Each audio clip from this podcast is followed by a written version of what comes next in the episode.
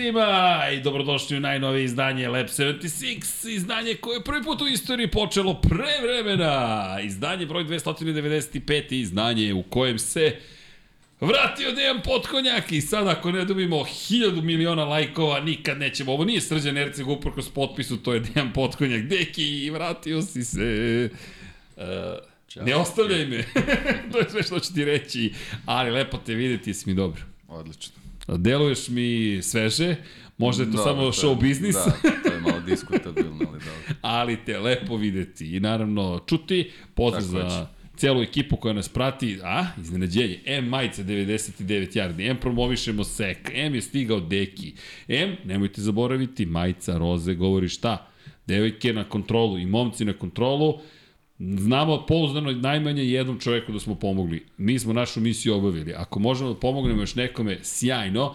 Borimo se protiv raka dojke, borimo se generalno svi zajedno protiv kancera. Molim vas na kontrolu, momci, devojke, prva, prva kontrola je fizički moment, samo, dakle, samo ispitivanje, mo, a koliko nešto otkrijete što ne boli, to je posebno zabrinjavajuće, trk kod doktora i može da se pomogne, šanse postoji, povećavaju se kako se smanjuje vreme od momenta kada se nešto pojavilo do momenta kada smo otkrili. Tako da ja vas molim, budite dobri prema sebi, budite dobri prema ostalima. Za one koji su prošle nedelje slavili veliki praznik hrišćanski, srećan praznik sa zakašnjenjem, za one koji planiraju sada da slave ovoga vikenda, srećan praznik, za one koji nisu religiozni, Pozdrav veliki takođe, uživajte u vikendu pred nama. Za nas je religiozni, pošto će biti trkave u Moto Grand Prix-a. A za one koji su u bilo kojoj drugoj religiji, ljudi, to je vaša intimna stvar. Samo je bitno da se volite. Što se nas tiče, ljubav je najvažnija. I udrite like, i mazite se, i pazite se. I vratio se Deki. I sad možemo svi da idemo kući. Ušli smo pre vremena. Miksa je tu, koleginici sprotite denje. To i ja nemam više ništa da dodam na večerašnju emisiju.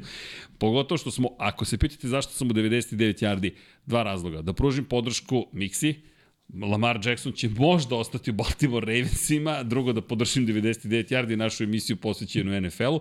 Ko nije pratio, zapratite, ukoliko niste subscriber, ima razloga da to učinite, pošto je sve više emisija. I treći razlog, zapravo majicu nemamo za 1 na 1, uskoro ćemo, ja se nadam, imati, ali podrška Mixi i Vanji počeli su emisiju posvećenu NBA ligi i Nemam šta drugo da dodam. Samo ih pratite, uživajte i nadam se da ćete se lepo zabaviti. Večeras naravno pričamo o Moto Grand Prix-u, ali moram da podelim sreću i, i zbog Dekija, i zbog Mikse, i zbog 99 yardi, i zbog 1 na 1, ali Deki, nećete spamovati popularnim mlađe, mladalačkim rečnikom večeras, ali moram reći, reći da sam baš srećen.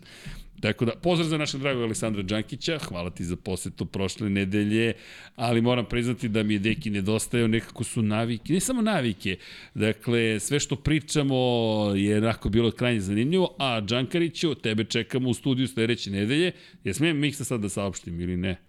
Geto počinje da se snima. Tako da, čika Aleksandar Đankić, MC Best, udrite like kada se i to pojavi, imaće svoj poseban kanal, pošto su kod njega explicit lyrics i e, pristup će biti u duhu onoga što je Đanki radio od uvek, tako da Đanki, imaš našu podršku i podržite Čika Đanki kada se pojavi kanal, to ćemo svi zajedno da promovišemo, bit će zanimljivih gostiju i nadam se kao i uvek sa MC Bestom, kontroverzno, u najmanju ruku. Tako da, ljubav ti šaljem, a pozdrav za Jelenu Trajković koja je trenutno u Ostinu, u Teksasu, gde se održava trka ovog vikenda i da deki krenemo, moram da te vratim međutim malo u prošlost.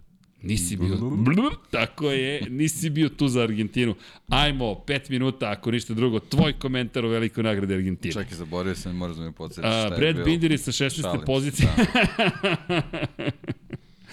Da. da, pa ne, odličan sprint je bio stvarno, zato što ovaj, očigledno da te staze koje možda nisu u tom nekom Moto Grand Prix profilu će nam možda pružati zanimljivije ovaj, sprint trke od, od Grand Prix staza, kao što je recimo ovo, u Teksasu, ali ajde sad da ne, ne najavljamo to, ali generalno ono, ovaj, vreme je bilo takvo da, da nismo mogli ništa drugo da očekujemo nego, nego ovaj, neizvesno i zanimljivo ovaj, trku i naravno Binder apsolutno zvezda čitave priče ovaj, vezano za, za obe trke, ali generalno ovaj, stvarno taj, taj nastup u sprintu je bio ne znam, ono stvarno stvarno spektakularno spektakularno i, i verovatno i njemu neobjašnjivo kako uspeo one one prve dve krivine krivina. da prođe da, da. Dek, ali jednostavno sam... to se otvori tako nekako svi gledaju levo ti jedini pratiš desno i, i to je to ali čekaj onaj moment on kaže hooked Kaže, da, potpuno da, da. sam ukrčio krivinu. Ja gleda, gledao sam pet puta snimak i što kako je ovaj čovjek skrenuo. Pa znaš kad pogodiš koliko, koliko ti ovaj, mnogo brže prođeš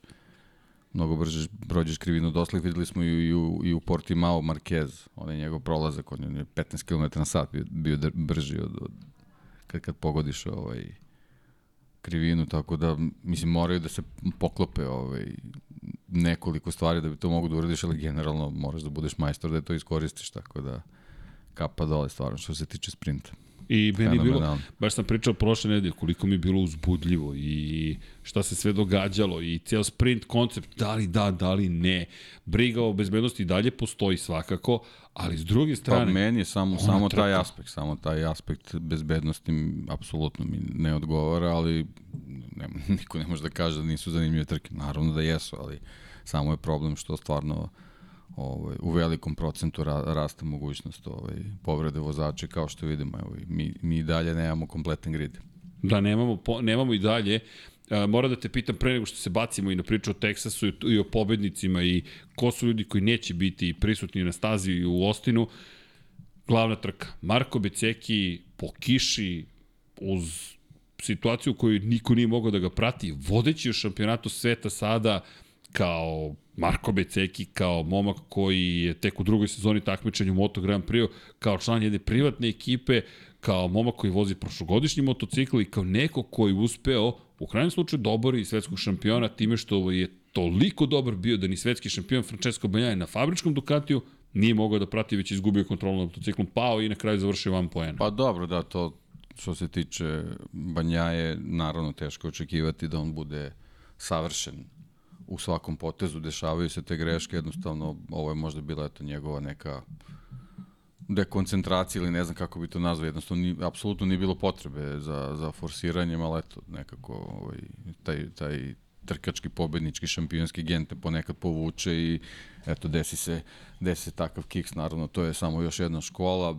verujem da, da nije toliko ovaj, problematično što se njega tiče. Mnogo trka, ima, ima još do kraja, on je definitivno ovaj, ostavio najbolji utisak od početka sezone, tako da lako će on to da ispravi, samo jednostavno mora mora ovaj, da, da, da smanji te greške na najmanju moguću meru, posebno zato što je potpuno bila, bila bespotrebna situacija da, da, se, da se forsira. A što se tiče Becekija, ovaj, očigledno da na ovaj novi format uh, svake sezone donosi neku, neku zvezdu tim malim, da kažem, uslovno privatnim ekipama i ove godine to možda, možda je došao red na, na, na Beca, pa ćemo videti sad kako će, kako će u nastavku sezone da, da, da funkcioniše. Da li će uspeti tipa ala Bastianini prošle godine da, da, da vuče ovaj, da vuče čitavu sezonu na taj način ili kako je Morbidelli vukao svoju sezonu kad se s Mirom borio za titulu, tako dalje, tako dalje, ali generalno svake godine imamo po jednog momka koji, koji odskoči i, i zagorčava život ovim fabričkim.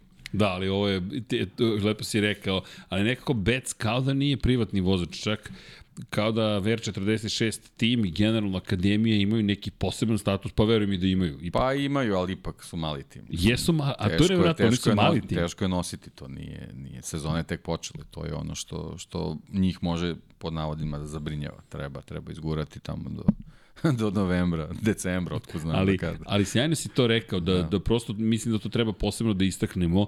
VR46 kao brand, kao koncept, kao nešto što iza čega stoji Valentino Rossi je velik za pojedinca. Ali porediti sa fabričkim timom Yamahe ili fabričkim timom Honda ili Ducatija, ljudi, to je zaista nebo i zemlja. Mi govorimo o korporaciji koja se bavi proizvodnjom i prodajom motocikala. I govorimo o čoveku koji ima svoj trkački ranč, svoju robnu marku koja prodaje majice, kaće, čarape, kalendare i ima svoj trkački tim.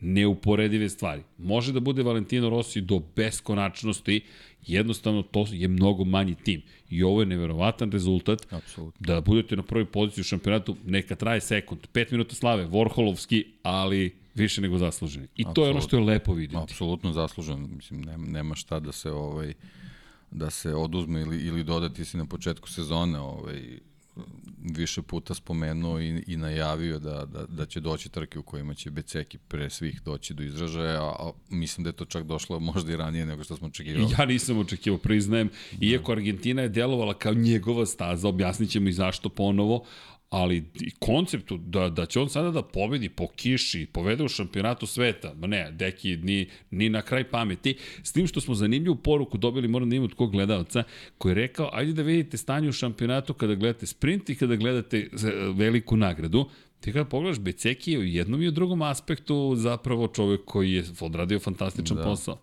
nekako se magično odnosi prema gumama. tajna, čarobnjak. Neka tajna postoji. Da, tire da. whisperer. A vidimo da ih jednako pali kao i ostali, ali nešto drugo postoji. Da, da, ali njegove izjave, bo ja nisam ni vodio računa o gumama. Pa možda je to recept. možda je to recept. Ako, ako suviše ovaj, razmišljaš pregoriš u razmišljanju, pregoreti gume. Šta je Jack Miller da. rekao? Previše sam brinuo o gumama Tako i nisam shvatio da mogu da ih trošim mnogo više. I kad sam sišao, shvatio sam da nije problem uopšte. da, da, da li je. možda previše kritikuju Mišelin u pa, cijeloj da. priči.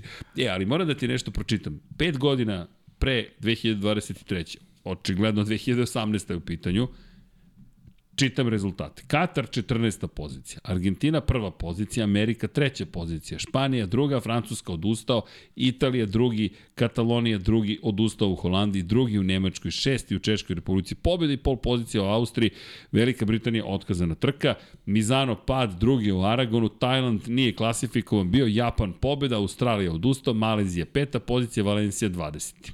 To su rezultati Marka Becekija.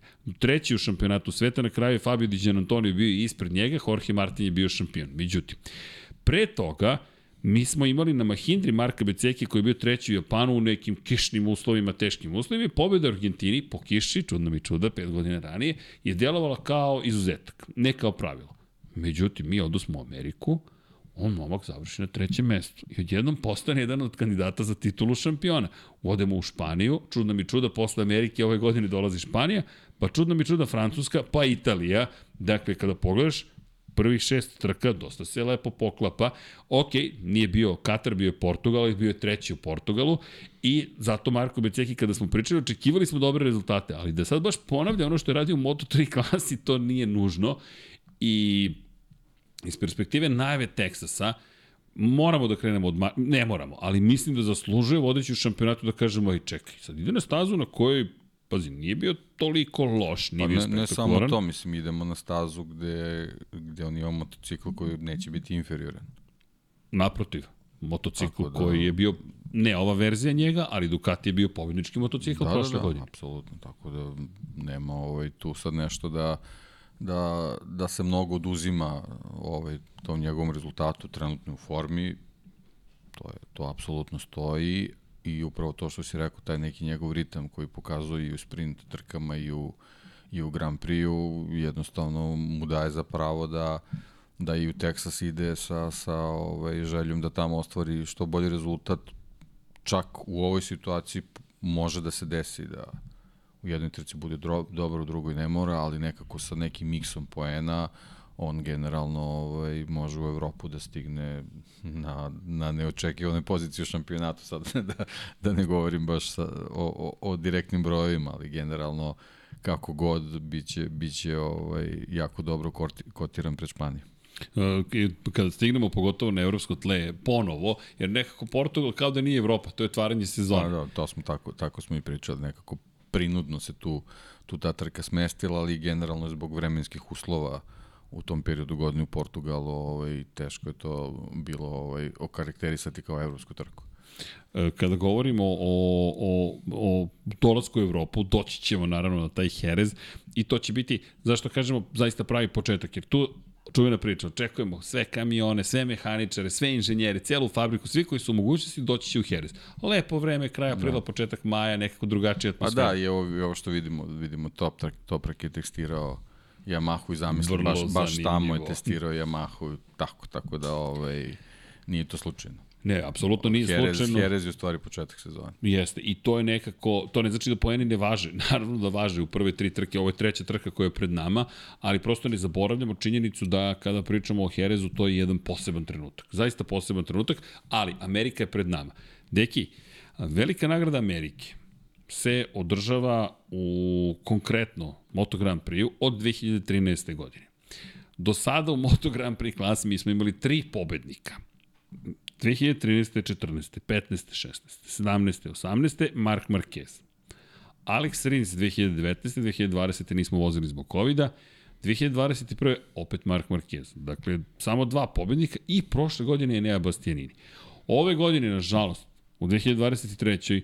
mi nemamo dve trećine pobednika. Mark Marquez nastavlja poravak povrede ruka, povrede ruke je suviše ozbiljna i, nažalost, Enea Bastianini taj prelom lopatice suviše ozbiljan, ostaju u Evropi jedan i drugi i oporavljaju se. Jedini čovek koji je pobedio na ovoj stazi u Moto Grand Prix klasi Alex Rins i to na motociklu koji se više ne takmiči u šampionatu sveta na Suzuki-u, a on je na Hondi koja, koji komentar uopšte da damo za Hondu u ovom trenutku.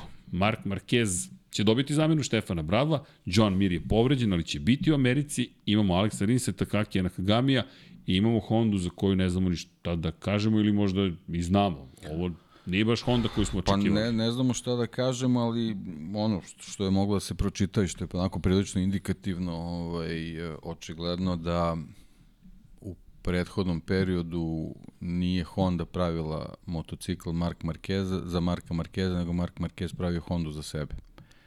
Pošto provejavaju priče da, da, da je Rins dobio u Argentini njegov ram, da je testirao taj motocikl, Marquez uopšte nije bio srećan zbog toga. Ovaj, sad, zbog vremenskih uslova, verovatno ni Rins nije mogao da, da proceni da li, da li je ovaj, tu stvarno postoje neke, neke razlike, ali generalno čitava ta priča ovaj, koja je već polako malo onako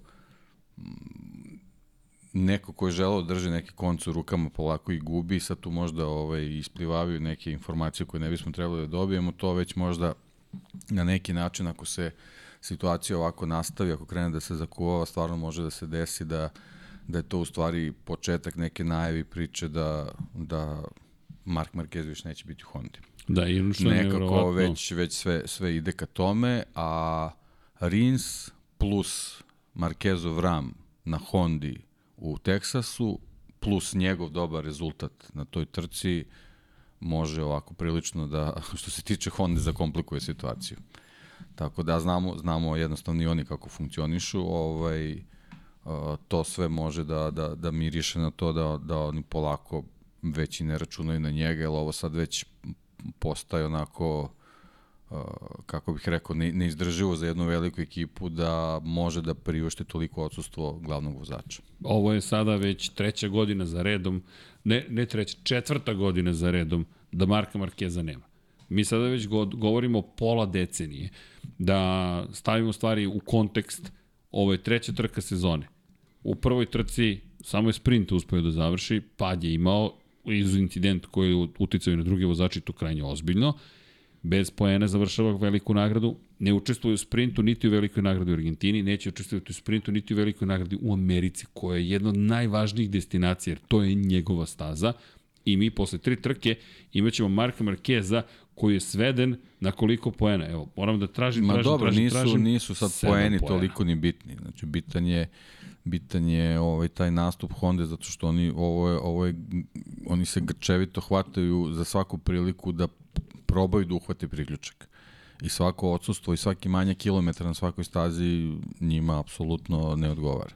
Pri čemu? Posebno sad sa tom pričom i kale, ubacivanje Kaleksa, razvoja ti delova, jednostavno Mark Marquez u, u tom smislu mnogo više nedostaje nego ti sad neki poeni ili, ili neke pobede koje, koje će verovatno i doći, ali jednostavno uh, Hondin voz prolazi i oni, oni moraju da, da hvataju priključak koji sigurno želi da uhvate i očigledno da uz, uz ovaj, tu ulogu koju Nakagami dobio, uh, Rins očigledno dobija tu sve veću ulogu koja je bila najavljena da će u stvari biti vozač koji će koji će se trkati, ali će dobiti priliku i da, i da testira te neke delove koje treba da testira, očigledno će dobiti mnogo više od toga što Markezu uopšte ne prije u ovom trenutku. E, da, par stvari da napomenem. Za one koje eventualno ne znaju, Kalex je nemačka kompanija, je nemačka inženjerska kompanija koja već godinama, sada deceniju celu, dominira u Moto2 šampionatu sveta i to je proizvođač koji zapravo proizvodi kompletne šasije ramove pre svega za Moto2 kategoriju koji je dominantan trenutno ram.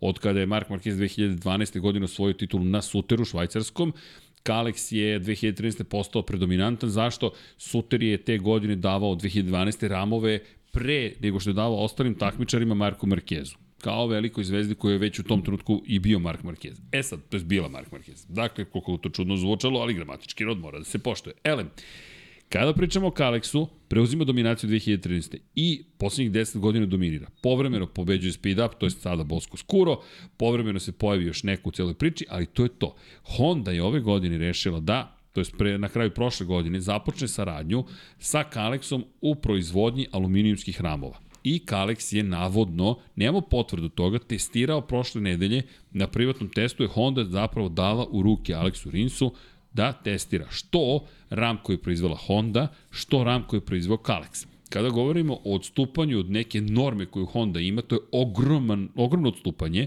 Honda koja odjednom radi sa jednom malom kompanijom, Honda koja je pritom promenila saradnike kada je reč o izduvima, okrenuli su se Krapoviću, što je trend koji je postavio Ducati pre svega podrška, pogotovo što je to fabrika iz Slovenije. Dakle, osjećamo se nekako regionalno prisnim, iako nema nikakve veze sa Krapovićem, ali podrška, divno je čuti tako uspešnu priču. I sada imate Kalex koji proizvodi RAM, koji Lorenzo Savadori, dakle probni vozač Aprili je rekao, ne, nismo dobili potvrdu, ali ja znam pouzdano, garantujem da se testira Kalex. I dolazimo sada do ove priče. Mark Marquez nije na stazi, a on je vozač broj 1, nominativno, deklarativno, kako god želimo, čovek koji je osvojio sve svoje Moto Grand Prix titule, a ima ih šest sa Hondom, da, da zapravo čovek koji polako mora da bude sklonjen, ne zato što je neko to poželeo, nego zato što su takve okolnosti. Da, ali generalno iz njegovog ugla se vjerojatno podrazumevalo da će razvoj biti na stand-by dok se on ne vrati, ali to Honda jednostavno više ne može da priušti. Ne može, jer deki 2020. ništa, 2021. ništa, 2022. ništa. Poslednja pobjeda Honda je zabeležena 2021. Da, zabeležio je Mark Marquez, ali to je bilo pre dve godine sada skoro. To je katastrofalan period. Honda je ponovo poslednja u šampionatu konstruktora. Sada imamo samo pet konstruktora, ona i dalje poslednja. Suzuki se povukao do daljnjeg, ne znamo da li će se ikada vratiti. I... Pa eto, kako smo pričali, ovaj, koliko je kao navodno KTM na stran, stran putici, oni već imaju onako zavidan broj pobjeda, ovaj, nekako se već i podrazumeva da, da će KTM-ovi vozači pobeđivati. Pa već imaju pobedu u sprintu, ajde da vidimo sada u glavnoj trci. Pa i, kada prošle pogledaš... godine. Pa da. Jednostavno, tu su bile pobede, a, a bila je priča da je, da je da KTM, KTM pot, promašio. potpuna katastrofa. Jeste. Tako a dve da, pobede Miguel Oliveira tako je. po kiši, po kiši. Kako god, okay. ne bitno. Ne to su pobede u svetskom šampionatu. I vozači Honda su bili na kiši isto. Jack Miller, pozicija 6 u šampionatu u ovom momentu. Brad Binder, KTM, pozicija broj 8 u šampionatu u ovom momentu. Prvi Hondin vozač je Alex Rins na 12. mestu u prvenstvu sa ukupno 13 poena. Dakle, mi govorimo o nečemu što je skoro ne, najgore, najgore od svega što smo na početku sezonu najveć videli da to neće funkcionisati. Pa, da, miljama smo daleko bili odatle, ali ali smo ovaj videli da, da, da to nije, nije kako treba. Čuveni writing is on the wall. Kad vidiš nešto, da. bukvalno da će se desiti i kada je reč o Markezu, da ističemo ugovor naredne godine, 2024. Međutim, ovo već sada dovodi do toga da se postavlja pitanje da li će oni nastaviti saradnju. I još jedna stvar, promena u pristupu Honda, Ken Kavauči, nekadašnji tehnički direktor Suzuki je sada tehnički menadžer Honda, a ljudi sa kojima je sarađivo u fabričkom timu su Joan Mir koji vozi u Repsol Hondi i Alex Rins koji teste koji vozi u Lučići Kinelo Racing, koji vozi u Lučići Kinelo Racing Hondi. Zašto Alex Rins? Joan Mir povređen, Mark Marquez povređen, Stefan Bradoli probni vozač nije zvezda, nije čovek koji će sutra nositi možda program Honda i odjednom ovo je samo moje mišljenje, zašto ti kao Ken Kavući ne bi se okrenuo čoveku koga poznaješ i rekao, Alex, Naravno. testiraj ovo. Oni već sarađuju pogledom. Alex Rins je odavno u Suzuki bio. I pobedio na tom Suzuki na trci na koju mi ovoga vikenda dolazimo. Logika negde nalaže da kažeš to je moj potez istovremeno mislim da Kavauči pokušava da postavi i uspostavi svoj autoritet i da kaže ovo je put kojim ja želim da idemo. Kavauči koji kada je Marquez osvojio pol poziciju u Portugalu nije bio najsrećniji. Jer jednostavno, moje mišljenje, na osnovu iskustava i razgovora sa Kavućim, ne gleda taj instant trenutak, nego šta tek sledi, šta tek dolazi, šta te sve implicira za kasnije i gde smo bili loši u ovom trenutku i koji su nedostaci. i oni pokušavaju da ih reše. Inače, bolji su rezultati navodno na Kalexovoj šasiji bili. Tako da koraci se neki jasno vide, ali raskol između Marka Markeza i Honda deluje da je Pa da, očigledno možda, verovatno u stvari, dolaze kao Učija i, i, i Momaka i Suzukija, ovaj, remeti taj neki, neki, neki poredak koji je Marquez napravio i da je on tu verovatno bi ovaj prevladala ta, ta, ta njegova filozofija takmičenja u Honda, ali jednostavno kao što smo rekli, Honda više stvarno nema vremena i ne može toliko da ga čeka, posebno je to kad se dešavaju te neke stvari koji su, ono, to smo već rekli sto puta, on jednostavno u prirodi je takav i to će se stalno dešavati, ali, ali godine idu, telo je ovaj, suviše izranjavano i povređeno i svaka sledeća povreda treba više vremena za oporavak nego što bi to bilo možda pre, pre pet ili, de, ili deset godina, ali jednostavno to Hondu stvarno, stvarno verovatno postaje, uh, više ne zanima tako. Jednostavno ni, nisu uh, setovani više da, da čekaju toliko dugo Marka Markeza, nego već moraju da se okreću obavezama i da, da od vozača koji su dostupni u tom trenutku izlače maksimum kako bi taj motocikl na bilo koji način pokušao da uhvati priključak sa ostalima, a ostali stvarno počinju da odmiču. Posebno Deki. mislim na, na, na Evropljenje, to smo pričali, na, na Ducati i Apriliju, a boga mi KTM izgleda nije, nije na lošom Sve bolje putu. izgleda. Oni imaju, imaju ogromne resurse i što, što opet vuče na stranu. Ako KTM stvarno nastavi ovaj, da, da korača ka nekom putu koji je imao pre tri godine na, na, na, na, na, na, na tom nekom dobrom putu, pa je malo, eto, desila se stramputica, ona se naravno prirodno je, dešava se Učiš. u razvoju, tako je, ovaj, ako KTM ovaj, stvarno krene u dobrom smeru, verujem da će zbog tih nekih sponsorskih veza i Mark Marquez zakucati na ta vrata. Par stvari. Dakle, šta mi se sve otvara u, u glavi, u kontekstu implikacija. Japanci japanski proizvođači. Moj utisak je da su potpuno uhvaćeni nespremni za ovu novu eru Moto Grand Prix-a. Meni deluje kao da nisu ni želeli da se spremaju za nju. E, to je sad pitanje. Je... Danas sam pričao sa, sa prijateljom koji kaže Srki, deluje mi da su Japanci jednostavno nezainteresovani da idu u ovom smeru, to kao da je, da odustaju. Kad pogledaš automobilsku industriju, čita svet ide ka elektrifikaciji, oni, oni uporno forsiraju hibridnu tehnologiju. To su Japanci. Bo, ali, to je bukvalno, to je filozofija. Sad, da li, da li su oni iskreni u nekim namerom od drugih, verovatno jesu, ali to je za neke druge da. teme da. i neke druge emisije, ali jednostavno oni, oni imaju svoj, svoj smer, da li se tvrdoglavo drže toga, ne znam da li bi to tako nazvao, ali jednostavno oni nešto vide možda što, što neki drugi ne vide i, i možda nešto što je sad u nekom, još u nekoj fazi Big Banga možda kad se ta eksplozija smanji, možda će se ispostaviti da ovo njihovo u stvari i nije tako loše, ne znam, videt ćemo.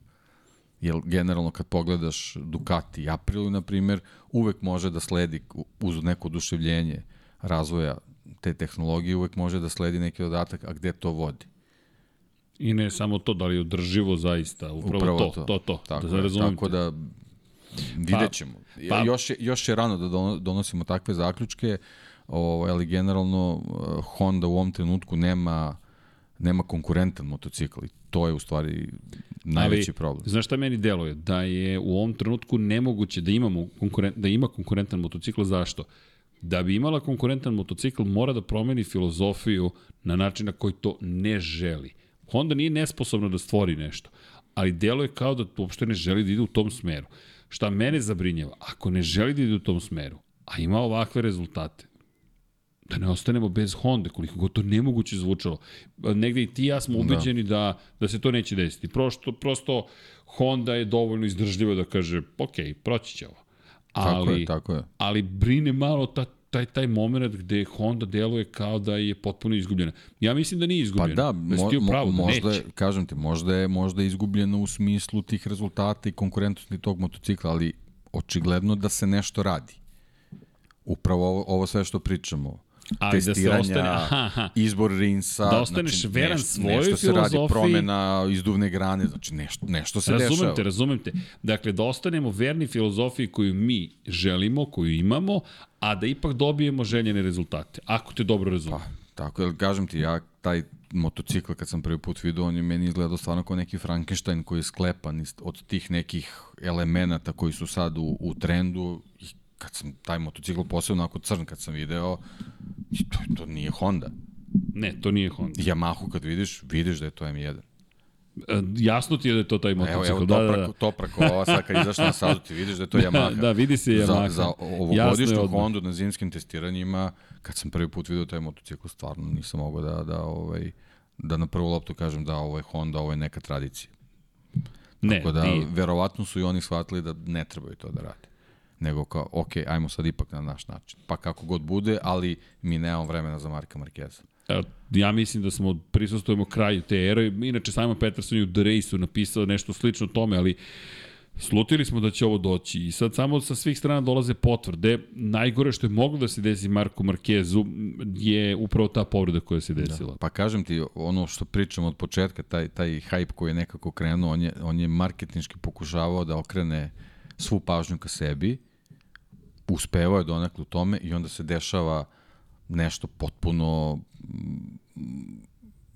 negativno zato što osim što je povredio sebe, povređivo i drugi, jednostavno on više očigledno nema tu harizmu koju je imao ovaj prethodnih godina koji su mu donosili ti fantastični rezultati, sad je ostalo samo to nešto što nije nije toliko pozitivno ni za njega ni, ni za okolinu, jednostavno najgore od svega je i da Hondi više ne treba.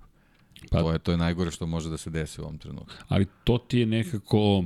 Evo jedan od komentara je Ivan Vojsinović, pozdrav svima, odgovorit ćemo i na pitanja sva, u sva, koja god možemo da stignemo. Kaže, meni nije jasno ko bi zaposlio sada Markeza. Tri godine i više prekida u karijeri, plus koja trka, preko 30 godina i gomila klinaca koji su pod okriljem što Aki Aja, što KTM-a, Da li da uzimaš, ajde da se, da, da, da, da citiram matorog prvaka, nije KTM Ferrari. To je pitanje, apropo, pošto mnogo ljudi veruje da će otići u KTM. KTM ima slatke, ne slatke, sada već ima ozbiljne muke. Ti imaš Jacka Millera koji se dobro pokazao, imaš Breda Bindera na koga se oslanjaš, imaš ugovor kojim garantuješ Pedro Acosti dolazak upravo tu, rekao si sam pre par emisija, gas, gas, ne, ne, Ajo, ne Ajo, Sam Pedro Acosta neće doći u Gas Gas, samo Red Bull KTM, a ti si mu garantovao da ćeš ga tu dovesti i sad imaš Marka Markeza koga bi trebalo tu ubaciti. Što spektakularnije ova sezona Pedro Acosta, to će biti mnogo veći problem za Marka Markeza da, da ovaj, pronađe svoje mesto bez obzira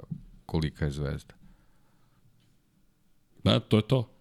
To je to, bukvalno ti imaš situaciju... Mislim, Pedro Costa je jako važno da ove godine bude spektakularan. A, pričat ćemo o tome, imat ćemo komentari na Moto dvojke. Nije bio spektakularan po kiši, a to je, ok, slabost, vidjet ćemo da li će to ispraviti. Kažem da je bila cela trka, volio bih da vidim zaista šta može po kiši, jer mi deluje kao da je naučio do te dve trećine trke šta treba da uradi u tim uslovima, ali to je samo neko mišljenje.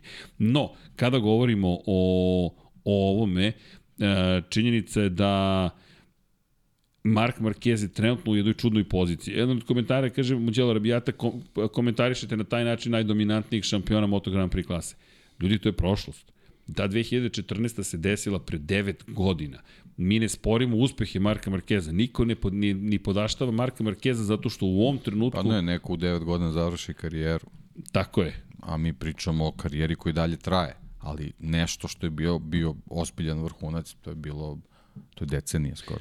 Dakle, kada govorimo, inače nisam ja rekao da je Marquez Mator Igore, čisto da znate, to sam da. pročito komentar koji je neko imao, A, kaže, ka, kaže ga ovaj Mark Marquez Mator, Rossi Mator. Igore, molim vas, ja to nikad nisam rekao, nemojte da izvrćite moje reči.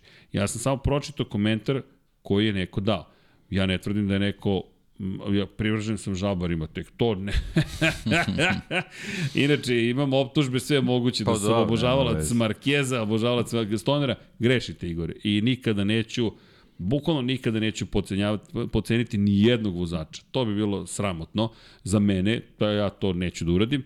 Mark Markeza, šta hoću da kažem? Pa mi smo objavili knjigu o Marku Markezu, toliko o tome. Mi samo pričamo o nekim ali činjenicama vezanim za trenutnu situaciju. Ja sam imao dugu kosu 1994. godine trenutno ne mogu da pustim ništa. Mogu ovaj čvarak ovde da ostavim sebi na glavi. Dakle, vreme je učinilo svoje. To ne znači da ja pocenjam moju kosu ili Marka Markeza. Prosto, Mark Markez u ovom trenutku mi analiziramo situaciju u kojoj se nalazi. Da li je zaslužen ili ne? Nema toga ljudi ni u trkanju. Zašto je trkanje toliko i sport generalno su spektakularni? Zato što se od vas očekuje da uvek budete na samom vrhu. Ako niste na vrhu, vi ste za starog ne, vožđa. Ne, problem je što se u ovom trenutku Marko Markezu priča samo da, kad će odraditi je. svoju kaznu kada će, krugova, tako kada će odraditi kaznu i kada će se u stvari vratiti na stazu. I to su ponovo iste priče koje se ponavljaju već treću godinu za redom. To je, to je u stvari problem. Tako je. Ono što je poenta jeste upravo u tome da Mark Marquez, čak i da je najbrži vozač na svetu u ovom trenutku, mi govorimo sada o okolnostima. U ovom momentu, je li njemu saveznik Ken Kavauči? Ako čitaš između redova, Marquez je rekao, došli su neki novi ljudi, stavljaju, postavljaju se neke nove ideje, novi način rada. Pitao. Tako je. I on je to rekao, nije dio, bio toliko direktan, ali jasna njegova izjava. I, ja, I on je rekao, ja ću prihvatiti, ok, rekli ste mi radi ovako, ali to nije način na koji on navikao da radi. I sad, iz njegove perspektive, ja razumim njegovu argumentaciju, čekajte ljudi, osvojili smo zajedno šest titula šampiona sveta, osvojili smo celu planetu, sve smo osvojili zajedno, da. sada menjate. Pa ne, onda imaš i momene, znaš, osvaja pol poziciju. Tako je. Oni, on, možda se kod njih pojavi nešto i kažu, ha, okej, okay, čekaj, pa znači možda smo i na dobrom putu.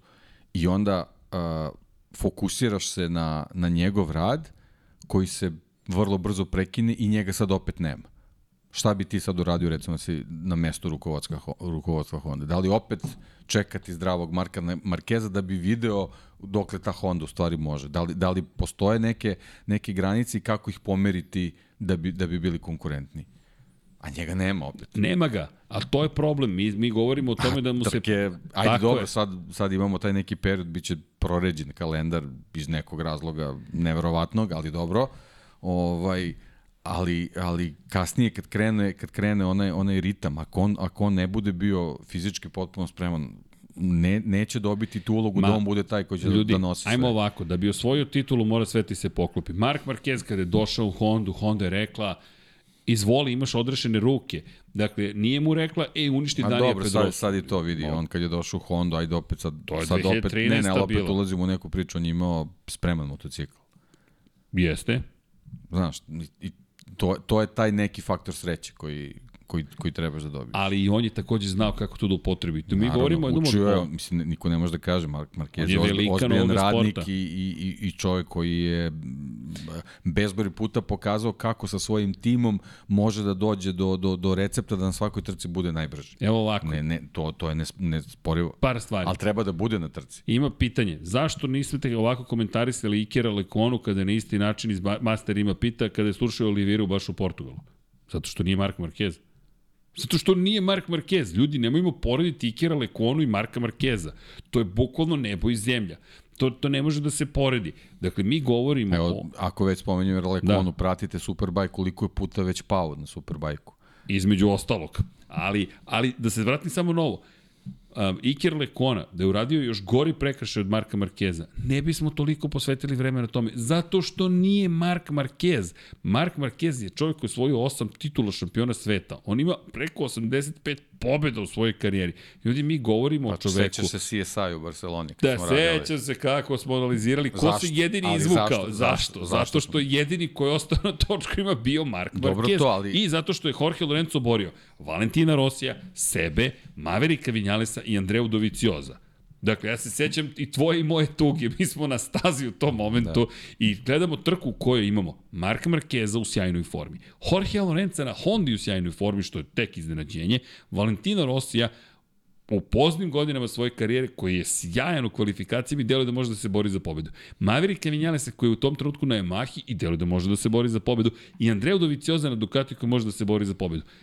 U Kataloniji, u Španiji, mi imamo tri Španca i dva Italijana. Njihov je sport. Imamo dve Yamahe, dve Honda, fabričke sve četiri i fabrički Ducati. I onda je Lorenzo odlučio da krenu kuglanje. agonija. Ja se sećam tog momenta. Ja da. mislim da sam prvi put u životu o tome se toliko da pričalo, da zato što je Jorge Lorenzo prilike. to uradio. Tako je. Zašto? Zato što je, da, da je to uradio, ne znam, Andrej Janone, pa Rekli bismo šta drugo smo očekivali. Zato što je manijakalni, Joy i tako dalje. Ali ne, mi imate velikana. Velikan je Mark Marquez. Evo neko je rekao, nemojte klinci da poredite sa Mark Marquezom. Ne poredimo ih, ljudi. Kad dođu na 85 pobjeda, 8 titula, onda možemo da pričamo o nečem višem. Za sada, inače, Master ima, kaže, reci Dekiju, šta misli o Novajlijama iz 2019. Ne, znaš ko su Novajlije? Slušaj se ovo, Fabio Quartararo, ti zvuči poznato, Joan Mir, ti zvuči pa Francesco Banjaja i Miguel Oliveira, jedini koji još nije osvojio titulu. Miguel, bojim se da će morati da sačeka. Ali sve pobednici. Ali sve pobednici, tako je. Kakva generacija je stigla. Pobeda na velikoj nagradi uopšte nije mala stvar. Kakav mala stvar, to je velika stvar. I, i po suvom, i po kiši, na KTM-u. To, Oliveira je samo na KTM-u pobeđivao do sada. Jedno čekam da vidim na aprili šta, šta može da uradi. Još nismo to videli zapravo. Ali šta hoću da kažem? Da li bi, evo ovako, Da je Valentino Rossi tako nešto uradio, pa naravno da bismo pričali. Da je Jorge Lorenzo to uradio, naravno da bismo pričali. Da, da je bilo kod velikana to uradio, naravno da bismo pričali. Iker Lekona, meni je zaista žao. Poštujem Iker Lekona, ali da ga stavimo u istu rečenicu sa ovim ljudima, pa, ja ne mogu. Eto opet Barcelona, Taka na Kagami, opet. Desilo se, ali to je pa, to. Dali. Kraj priče. Da. To se završilo u narednih 10 dana. Jorge pa, Lorenzo, njegov. Sad se spominje. Jednostavno nisi Nisi, nisi van zemaljac, nisi to. šampion. Tako je, I tako tu je, tu je bukvalno kraj.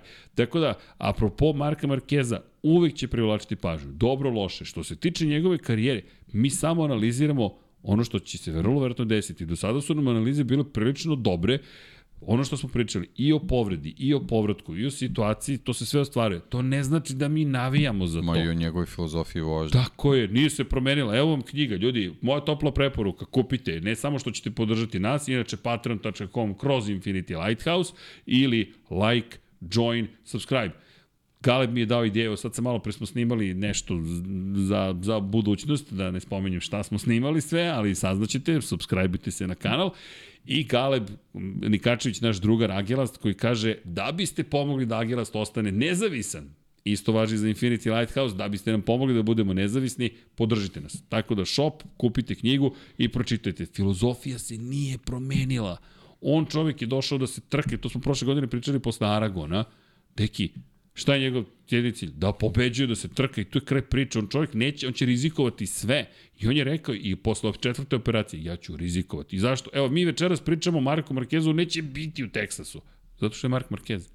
Kraj, tačka. Dobro, da, ovo je sad više priča o, o da o... kažemo, o Rinsu, pobedniku i Hondi. Tako je. O, bolji rezultat, ne možemo sad kažemo neki vrhunski, ali bolji rezultat Honda u Teksasu sa Rinsom ovaj, će možda već usmeriti neke, neke Hondine aktivnosti za, za, za, za predstojeći period. I... A generalno to može da se desi, staza definitivno Rinsu odgovara, on je otključao neka kočenja tamo, kako beše 11. krivina, tako jeste, ulazak, jeste, jeste. definitivno pa i 10. on tamo kako definitivno prolazi definitivno je master, znači to to se vidi i to će možda moći da iskoristi. Sad je pitanje koliko će mu Honda to dozvoliti, ali generalno Uh, verujem da će na ovoj stazi moći da da zaključak šasija, ram, šta ovaj, kako funkcioniše, jer očigledno sa ovom stazom ume da, da, ima da, da barata i, i ima dobar odnos, tako da ovaj, verujem da će tu stvari najvažniji feedback koji Honda očekuje iz Teksasa će biti od Alexa Rinsa. Da, kada je reči konkretno u Americi, pobjeda 2019. godine,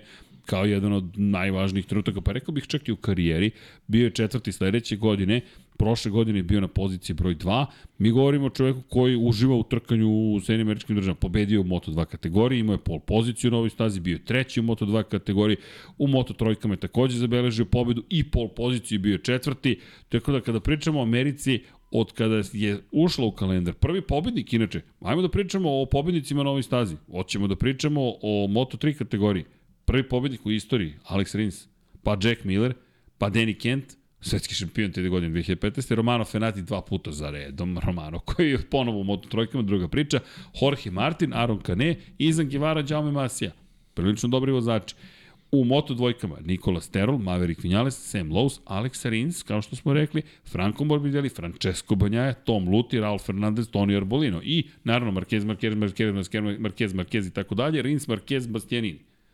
Dakle, Rins priča, mi smatramo da je bitna zato što je dublja. Zato što ovo sa Rinsom i Hondom, pa i Kenom Kavaučim, pa i činjenicom da je Mir još uvek rovit, negde na, kao da daje naznake gde ide Honda u budućnosti. Što opet otvara mogućnost nekim drugim proizvođačima da razmišljaju Marko da, ali, ali to je e, upravo to što si rekao. Mislim, uh, uh, nije Honda ljuta na Markeza, ne. nego jednostavno nema vremena. Tako je vreme, vreme prolazi, rezultata nema, ne, ne bodovnih rezultata, nego rezultata u napretku motocikla nema, niti, niti u stvari oni mogu da provere da li taj motocikl napreduje, zato što njega nema na stazi i okreću se opciji koja je trenutno dostupna i to je to. Poslednji e sad, put ako, ga... ako njemu ta opcija ne odgovara, Teki, poslednji put kada dobitna, je čovjek bio zdrav na stazi, bilo 2019. Da. To je Pritom, tužno. sledeća trka je Jerez. Mislim, Hajmo ovako. jako, jako nezgodan raspored i za njega i za Hondu. 13. 14. 15. 16. 17. 18. 19. To je sedam sezona u Moto Grand Prix. Šest titula. Od tog momenta 20. 21. 22. i sada 23. Četiri sezone. Mi govorimo o čoveku koji sada već dolazi do toga da 50% svojih uspešnih godina u Moto Grand Prix provodi u neuspešnim, to jest u godinama povrede. To je mnogo dugačak period. I, i, I to ono što je, meni žao što ga nema na stazi. Naravno, da vidim šta čovjek može da uradi. Mi to ne znamo, nemamo pojma šta se dešava trenutno i koje su njegovi kapaciteti čak i na ovoj Hondi. Pazi, pol pozicije u prvoj trci i plasman u sprint trci na pobedničkom postolju. Tako da, velika priča je to što se dešava u Hondi. Šta da kažemo za Ducati? Pa ljudi opet su napravili savršenu mašinu. Ajmo, pošto krenuli s Hondom, ajmo dozdo. Ajmo da, dozdo, da, ajmo. Šta, ko nam je na dnu? Ko nam je na dnu? A, jel znaš ko je, ko je pretposlednji u šampionatu konstruktora? A lako je, deki. A lako je. Ili jeste? Jeste. Jeste. Hm. Šta će biti s Japanom? dakle, Toprak oglu, testirao Yamahu M1, nije mala stvar. Što zbog sebe, što zbog Yamahe. Tako je, svetski šampion, ne zaboravimo, na Yamahi u Superbajku prošle godine i čovek koji je zapravo, ne, pre dve godine, oprostite, prošle godine je bio Alvaro Bautista na Ducatiju je čovek koji je velika zvezda zapravo i test je bio čudan, s obzirom na činjenicu da je neočekivan, s obzirom na činjenicu da je Franco Morbidelli bio dva puta četvrti na prethodnoj trci u fabričkom timu Yamahe, s obzirom na činjenicu da je Fabio Quartararo prošle godine imao prednost od 91 poena na Yamahi polovinom sezone i odjednom Toprak Razglatiogu se pojavljuje kao potencijalni prelaznik u kraljevsku kategoriju.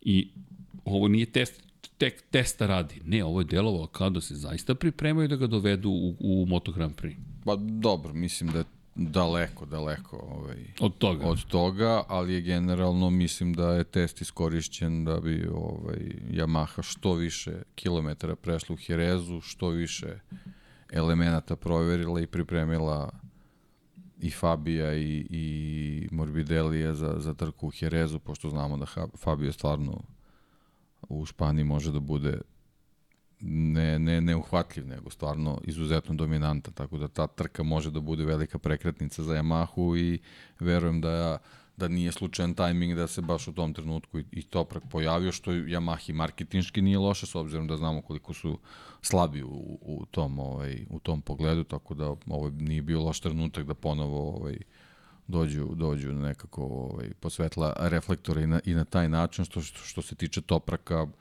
ovaj, još jedna prilika da, da se podsjeti na, na njegove kvalitete. Prilično je on zaostajao za, za, za nekim ovaj, vrhunskim krugovima, ali naravno kad nek prvi put sedneš na, na, na taj način na, na motocikl i, i izvezeš te krugove, nema šta da ne se očekuje da, da bude u dve desetinke sa, sa najboljim vremenima. Neko je, nek, negde sam čitao nešto se spominjalo u, u odnosu na Kračlova ima 1,7 sekundi za ostatka, mislim, što nije, nije ni toliko rđavo, ali ovaj, apsolutno ne mora ništa znači, niti da bilo šta pokazuje ovaj, u njegovim kvalitetima, a nesporni su, mislim, znamo da, da je on stvarno super bajku sjajan, opet s druge strane, istorija je pokazala dominaciju Superbajku apsolutno ne mora da, da znači da, da nešto možeš više da uradiš na Moto Grand Prix. To je težak prelaz. Težak prelaz, potpuno drugačije je zapravo je, priča. Da, drago mi je da, da je dobio šansu, da, pre svega mi je drago da ga neko prepoznaje i kao veliku zvezdu i kao kvalitetnog vozača. Sad, da li je ovo naznaka da će on sledeće godine biti u Moto Grand Prix, mislim da je još daleko, a ovaj, i, i kalendarski, a mislim da je još daleko u nekim koracima da možemo da tvrdimo da će zaista tako da bude. Ali vidi, lepo je što se nešto dešava. Nešto se dešava je, i to je ono što je super naravno. vidjeti. Honda i Yamaha zapravo ulažu trud. I, i nisu Moraju, odustali. Oni nemaju izbora. Ali, ali, ali znaš šta je super? Ni Suzuki ni imao izbora, pa je napravio da. izbor. Pa dobro, Suzuki... Otišao. ne, neko menadžmentu je to odlučio da, da, da. da, je, da je tako. Ovo, ovde, ovde neka, neka drugačiji DNK vezan za, za Moto Suzuki je više puta dolazi i odlazi. Da, da, Yamaha da, i Honda Yamaha i Honda nisu. Oni, oni vole da se takmiče u, u Moto Grand Prix, tako da biće to teško da, da, da će na taj način da se desi. I znaš šta mi je bilo super? Što su rekli visoki poput Valentina Rosija.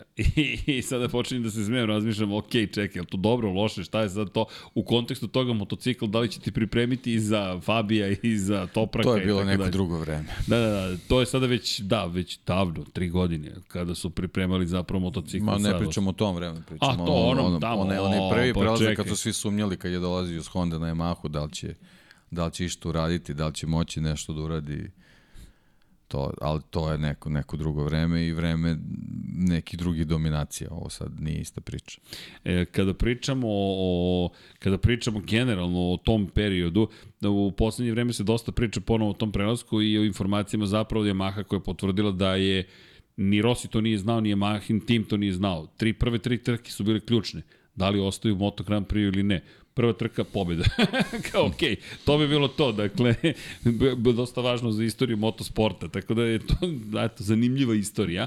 Inače, kada, kada pričamo generalno o Yamahi, teško je neka očekivanja imati u ovom momentu. Ja pa, zaista ne znam šta ih čeka u Teksasu. To Texas, će baš biti teška staza. Jeste, jeste. Mislim da obojicu čeka baš naporna trka.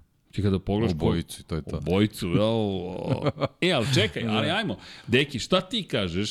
Da li je Morbidellijev ovo bio moment bljesak samo ili je ovo nešto trajnije? Znam da je to nemoguće. Je ali to je Franki, da, ne, to je to. Mislim, kako ti sad možeš da očekuješ da se on sad nešto naložio i da će nastavi? Ne, on, on, on prvi izlazak na stazu, ako mu nešto odgovara, ti ćeš videti. To je to, nema, ne, da, ništa da, ni ne da. krije, ne, ne, ništa, ne, si ga pročitao. nema kalkulacija, ba ne, šta, nema šta da čitaš, mislim, momak je stvarno sjajan i Mislim, jednostavno je tako kako je. Vrlo otvoren. On kad može, iskren. on će uraditi maksimum. Kad ne može, opet će pružiti maksimum, ali... To se neće videti u nekom tako rezultatu. Je, tako je, tako da, ovaj, ne znam, mislim, stvarno nezgodna, nezgodna staza za njih u ovom trenutku, tako da ne, ne znam šta možemo očekujemo. Da, inače, master ima Morbidelli se ošišao, smanjio težinu i sad mu je lakše. Šala. Da. Naravno, znamo da je šala, ne. sve bez brige, ali, ali kada govorimo o, o, o makar Argentina, lepo ga je bilo vidjeti u borbi yes, za plasman pobjedičkog postoje. Iskreno nadosna se da može da pobjedičko postoje, često da ga vidimo i Yamaha, da neka, nešto odigra u toj priči. Pa dobro, da, to je onako, znaš kao sad Uteha. zamažeš oči s nečim, ne, nema veze. Bitno je da je on bio tu, to je, to je najvažnije sad podiju manje više. A dobro, obradovano se, ako ništa drugo. Mislim da su i oni, oni su se možda malo nekako i ohrabrili, sad, ali kažem, Texas, potpuno druga priča. E, meni, kažem ti, moram priznati da da kada je reč o Frankiju, čisto bilo emotivno. Da. Ništa drugo. To, ništa mada, to mada to. i on i, i Fabi umeju, umeju oni da ovaj, otključaju tu, tu, tu ukosnicu pred izlazak, izlazak na onaj zadnji pravac da tu donesu neku brzinu pa da malo tamo pred kraj ovaj, ušparaju, ali ne znam, ne znam, sa ovim maždajama iz Italije, stvarno ne znam kako će se nositi. Pa ima tu dosta sad, ima tu dosta... 12 motocikala. Pitanja, da. Mnogo je. A, šta će Aprilija, doći ćemo da. na sve te, sve ćemo dati odgovore, nemojte, ne, nemojte da brinete, ali kada pričamo generalno o, o o, pa, italijanima, ajde, posebno priča, čekaj, nećemo, nećemo, nemoj da skačemo. Yamaha, da završimo priču tim, Fabio Quartararo, teki, agonija se nastavila. On je dobio sada, incident je imao, dobio udarac na Takaki, na Kagamija, nekako se vratio u igru, tempo postoji, neću reći da frustracija postoji očigledna, jer to nije čak ni frustracija, to je sada već bes, ali činjenica je da nekako u obe trke se videlo da tempo je tu negde. Tempo je tu, tempo je kad je, kad je, ovaj, kad je čista staza, to je ono već standardna priča za njih. No, Yamaha je mnogo bolja, a najveći problem je kad je zaglavljen u gužvi. Ovoga puta, eto, ne svojom krivicom je bio niže nego što je trebao i naravno odmah, odmah su problemi sa rezultatima.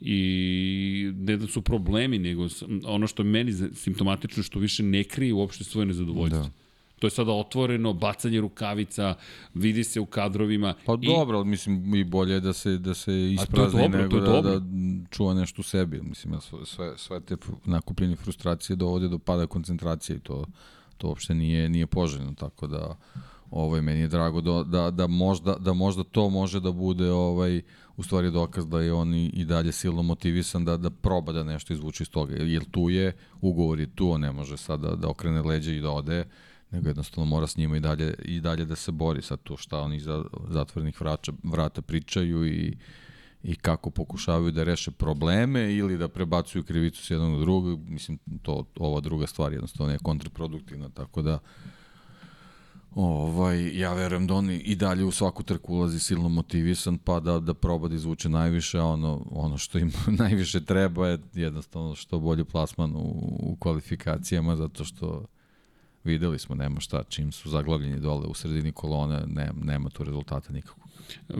Inače, Beri se dopada reakcija, zašto? Zato što mislim da je to poruka jasna menadžmentu zapravo, ljudi, ovo mora bolje.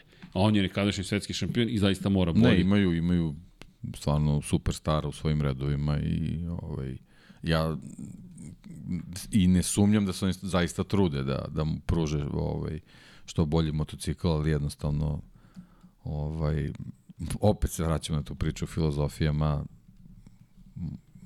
Oni imaju svoj, svoj neki pristup tome koji u ovom trenutku ne deluje da je da je savršen, ali ne znam šta mogu radikalno da promene da, da, da, da se to ovaj, ovaj, okrene na neku drugu stranu da, da, da motocikl bude konkurentni pre svega u, u toj maksimalnoj brzini. Ne znam, u stvari vidjet ćemo, Texas je onako, treba ih u stvari pratiti kroz, kroz sektore. Da vidimo u stvari, možda, možda je čak i Texas po, po svojoj konfiguraciji, možda, možda će biti dobar reper da vidimo po sektorima ko je u stvari u, u, u nekim zaostacima, a ko u stvari ima, ima ovaj savršen, savršen poligon. paket. Da. Pa, ajmo da prvi sektor, idemo uzbrdo, krivina u levo, na dole, pa desno, pa polako dolazimo po Megod Beckett Chapel, dakle te testiraš Mislim da je taj prvi sektor stvari. u stvari pokazatelj ko ima naj, naj, ovaj, najbolje sklopljen motocikl. Misliš da je to sve? Imamo sve pun gas, imamo sve snažno to, kočenje, da, da. Ako, skretanje, ako uzmemo, recimo, ako uzmemo taj prvi sektor, da uzmemo i, i startni pravac, da, sve se da testira. ukrademo malo tog poslednjeg sektora, tu imaš sve. Da, imaš maksimalnu brzinu, snažno kočenje, skretanje u sporu krivinu, ulazak u veoma brzu krivinu, broj 2 i onda promene smera kretanja pri visokim brzinama. I onda ponovo snažno kočenje, ulazak na, na, na ovaj dugačak pravac, znači bitno ti ubrzanje i sve imaš. Svi elementi su tu. I onda naravno imaš tu snagu tamo na 1200 da, metara. Inače ovde pravac 1200 metara. I, i sve živo, tako da. Pa ta među ovaj, ubrzanje da. su ključ. I onda Peta, ponovo posle brzina. toga, posle snažnog kočanja, opet dolazi dobar sektor gde imaš i, i spore krivine i splet brzih. Tako da mislim da, da, da, da trebamo ovu trku da pratimo po sektori. Inače, kada je reč o vremenskim uslovima, pošto mislim da je to veoma važno, i dok ja pretražujem vremenske uslove, udrite like. Dakle, kada ste već tu, udrite, kliknite na like, time nama pomažete, ne traži mnogo vremena, neko što mnogo, neko što ništa, klik, malo vašeg vremena, hvala vam, znamo da je vredno, ali eto, bilo bi lepo. Inače, da citiram Nerdrotika, ako podržavate, ne morate nas, podržati nekog drugog youtubera ili youtuberku ili nekoga koga pratite, veruju da će se obradovati, ali like pomaže svakako. Inače, Austin, Texas, vremenske prognoze, oblačno u petak bez padavina, subota mestimično oblačno, nedelja sunčan dan. Donje temperature U petak zanimljivo 21 stepen Celzijusa, donja, gornja 28, 15 u subotu donja, 32 gornja i u nedelju 11 stepeni donja, temperatura 26 gornja. Deki, ukoliko ovako ostane, ovo su neverovatne varijable. Dakle, imaš veoma topao dan oblačan u petak, onda imaš dan koji ima skoro 20 stepeni razlike između najniže i najviše tačke i onda imaš dan u kojem je razlika 15 stepeni. Ok, to će biti vrlo zanimljivo za pripremu. Pri čemu ne zaboravite u sprint. Dobro, dobro poznata staza. Jeste. Tako da, koje su u principu, to su manje Samo više da vidimo, neka podešavanja fina, da. Da vidimo da. li se trese sve u Tostiru, to ono što da. ne znamo, trusno područje, ne samo da. to, to je močvara koja se sleže svake godine, u Formuli 1 se to toliko ne vidi, ali se tekako vidi zapravo kada govorimo o Moto Grand Prix. I bilo je puno problema tokom godine iza nas kada je reč o zapravo upravljivosti motocikala. Držimo palčeve da je tu mnogo bolja situacija. I bit će zanimljivo, kao što kažeš, po sektorima vidjeti ko je Gde Meni je to onako najzanimljivije, posebno ovaj, ono, petak da vidimo kako će to sve, sve da prođe i onda sad ne znam, sad dobijamo i tu sprint trku ovaj, kažem na pravoj Grand Prix stazi, to do sad nismo imali, pa ćemo da vidimo ovaj, kako će to da prođe tu. Da li, da li tu može da bude uzbudljivo?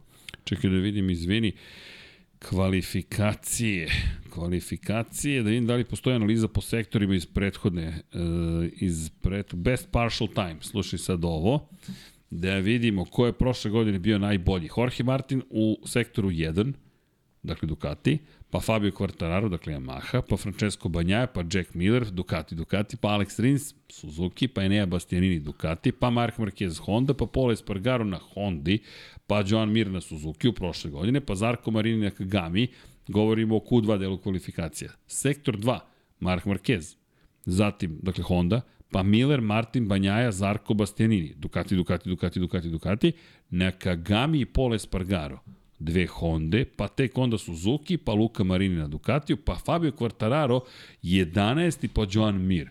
Dakle, A bio je drugi zanimljivo. u prvom sektoru, tako? A sektor 2 je zapravo prolaz prilaz zapravo, to je do polovine, do trećine zapravo zadnjeg pravca i sektor 2 se završava. Dakle, već se tu osjeća situacija, koliko se menja. Pa pazi sad sektor broj 3, Jack Miller na poziciji 1, dakle Ducati, pa Fabio Quartararo, dakle Yamaha, pa Zarko, Banjaja, Bastianini, Martin, sve su Ducati, Marquez Honda, Mir Suzuki, Marini Ducati, Rins Suzuki, Pole Spargaro Honda, Takaki Nakagami na poziciji 12. Inače, ako primećujete, nije ovde bilo nijednog aprilnog vozača. Da odgovorim na pitanje za Aprilio, ovo će biti najteži test za Aprilio ako, ako sudite po prethodnim godinama. I da se vratimo na sektor 4, Quartararo, Marquez, dakle Yamaha, Honda, pa onda Martin Banjaja, Ducati, pa Suzuki, Alex Rins, pa Jack Miller na Ducati u prošle godine, pa još jedan Ducati Zarka, pa Mir na Suzuki, pa Marini, Ducati, pa Honda, pa Nakagamija, pa zatim Ducati i Honda Bastianini, to je Pole Espargar. Ovde je sve izmešano zapravo. Pa upravo to. Da, znaš, mnogo je Tako zanimljivo. Tako da kažem, zato, zato će nam ove godine u stvari ovaj, ti, ti rezultati pokazati možda neku, neku onako realniju sliku gde je ko u stvari. Da, inače prošle godine uh, pol ja, pozicija... Posebno taj segment mm -hmm. vezan za zadnji pravac. Sve, sve ti je jasno i sve nedvosmisleno pokazuje ko je, ko je prošle godine bio najsnažniji. Da, a ono što je zanimljivo jeste zapravo konačni plasman. Jorge Martin, Jack Miller, Francesco Banjaja, Joan Zarko i Nea Bastianini. Pet Ducatija na prvih pet pozicija. Prvi ne Ducati Fabio Quartararo na Yamahi. Znači I onda... nije sve izgubljeno. Da, da razumeš, dakle bi to situacija je wow. I onda imaš Aleksa Rinsa, Joana Mira na Suzukima, pa dve Honda, Mark Marquez, Takaki Nakami, pa Luka Marino Ducatiju i još jedna Honda Pole Spargaro. Aprilia nije ušla u Q2 deo kvalifikacije. Da, oni će ovde, ovde moraju još da uče verovatno oko podešavanja, imaju, imaju sad bolju ovaj, startnu poziciju, tako kažem, vezano za za neke parametre koje je novi motocikl pokazao, ali mislim da im baš prestoji ovaj velika, veliki rad, a, a, a malo će vremena biti, malo, malo prilike da se ovaj kroz uh, slobodne treninge to sve dotera. U svakom slučaju pratimo po sektorima pa da vidimo gde kako stvari stoje. I eto da vam odmah odgovorim za Apriliju, nemam predstavlja, zaista deki ne znam šta da očekamo da Aprilija u ovom trenutku deluje bolje nego prošle godine, ali kada pogledaš ukupne rezultate, Aprilija u ovom momentu, kada govorimo o, o, o, o konstruktorima, je na poziciji broj 3. Ako već idemo od do na gore, nije KTM na trećem mestu. Aprilia na trećem mestu, što je možda i najveće iznenađenje da u Argentini dođemo u situaciju da Aprilia zapravo nije uopšte imala preterani broj poena. Druga pozicija, zahvaljujući Maverick Vinales u prvoj trci, u drugoj trci Maverick Vinales 12. Govorimo o velikim nagradama, sprintu je bio sedmi, ajde čisto da konstatujem, i imamo Aleša Espargara koji je bio 15. u glavnoj trci. To je jedini poen koji je izvukao iz, iz Argentine, pri čemu da. po kiši niko ne zna zašto Aprilia ne funkcioniše neće biti kiševa u Ostinu, ali tamo se niko od njih nije proslavio. Dakle, kada govorimo o Alešu Espargaru konkretno i njegovom vremenu u aprili, on je prošle godine došao posle pobede u Argentini do toga da zapravo, ili prošle godine išla Argentina? Jeste, pa Amerika, da, bio je 11. Da, svi smo očekivali, sad će se veže, veže pobede za pobedom. Prosto se nije desilo. Jednostavno, u Americi trku pre, 2021. izletao sa staze, 2020. ovde nismo bili, odustao je 2019. 2018. je bio 10. 2017. je bio 17. Na Suzuki imao najbolji plasman, petoj poziciji ali to je da, sad Suzuki. blago rečeno ne, ne odgovara baš tada. Da, da, ne, ne, recimo to tako.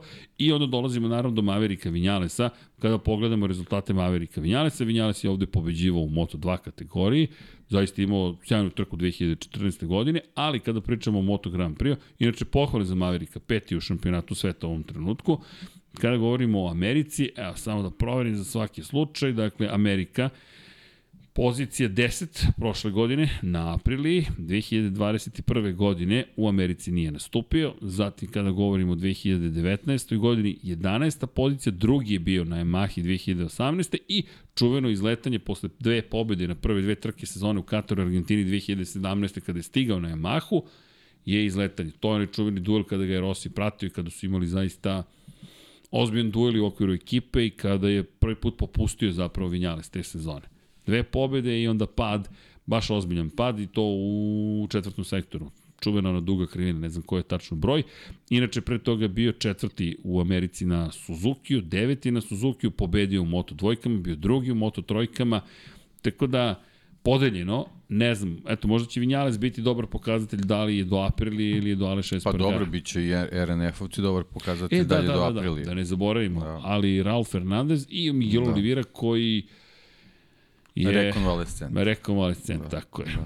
Ali dobro, znači oni imaju neke, neke podatke s kojima raspolažu od prošle godine, nisu se proslavili motocikli prošle godine, ali ako njih dvojica budu bolji, onda ćemo možda moći malo da uđemo analizu da vidimo da li je samo do nekog vozačkog stila ili, ili ima i do samog podešavanja motocikla. Čekamo.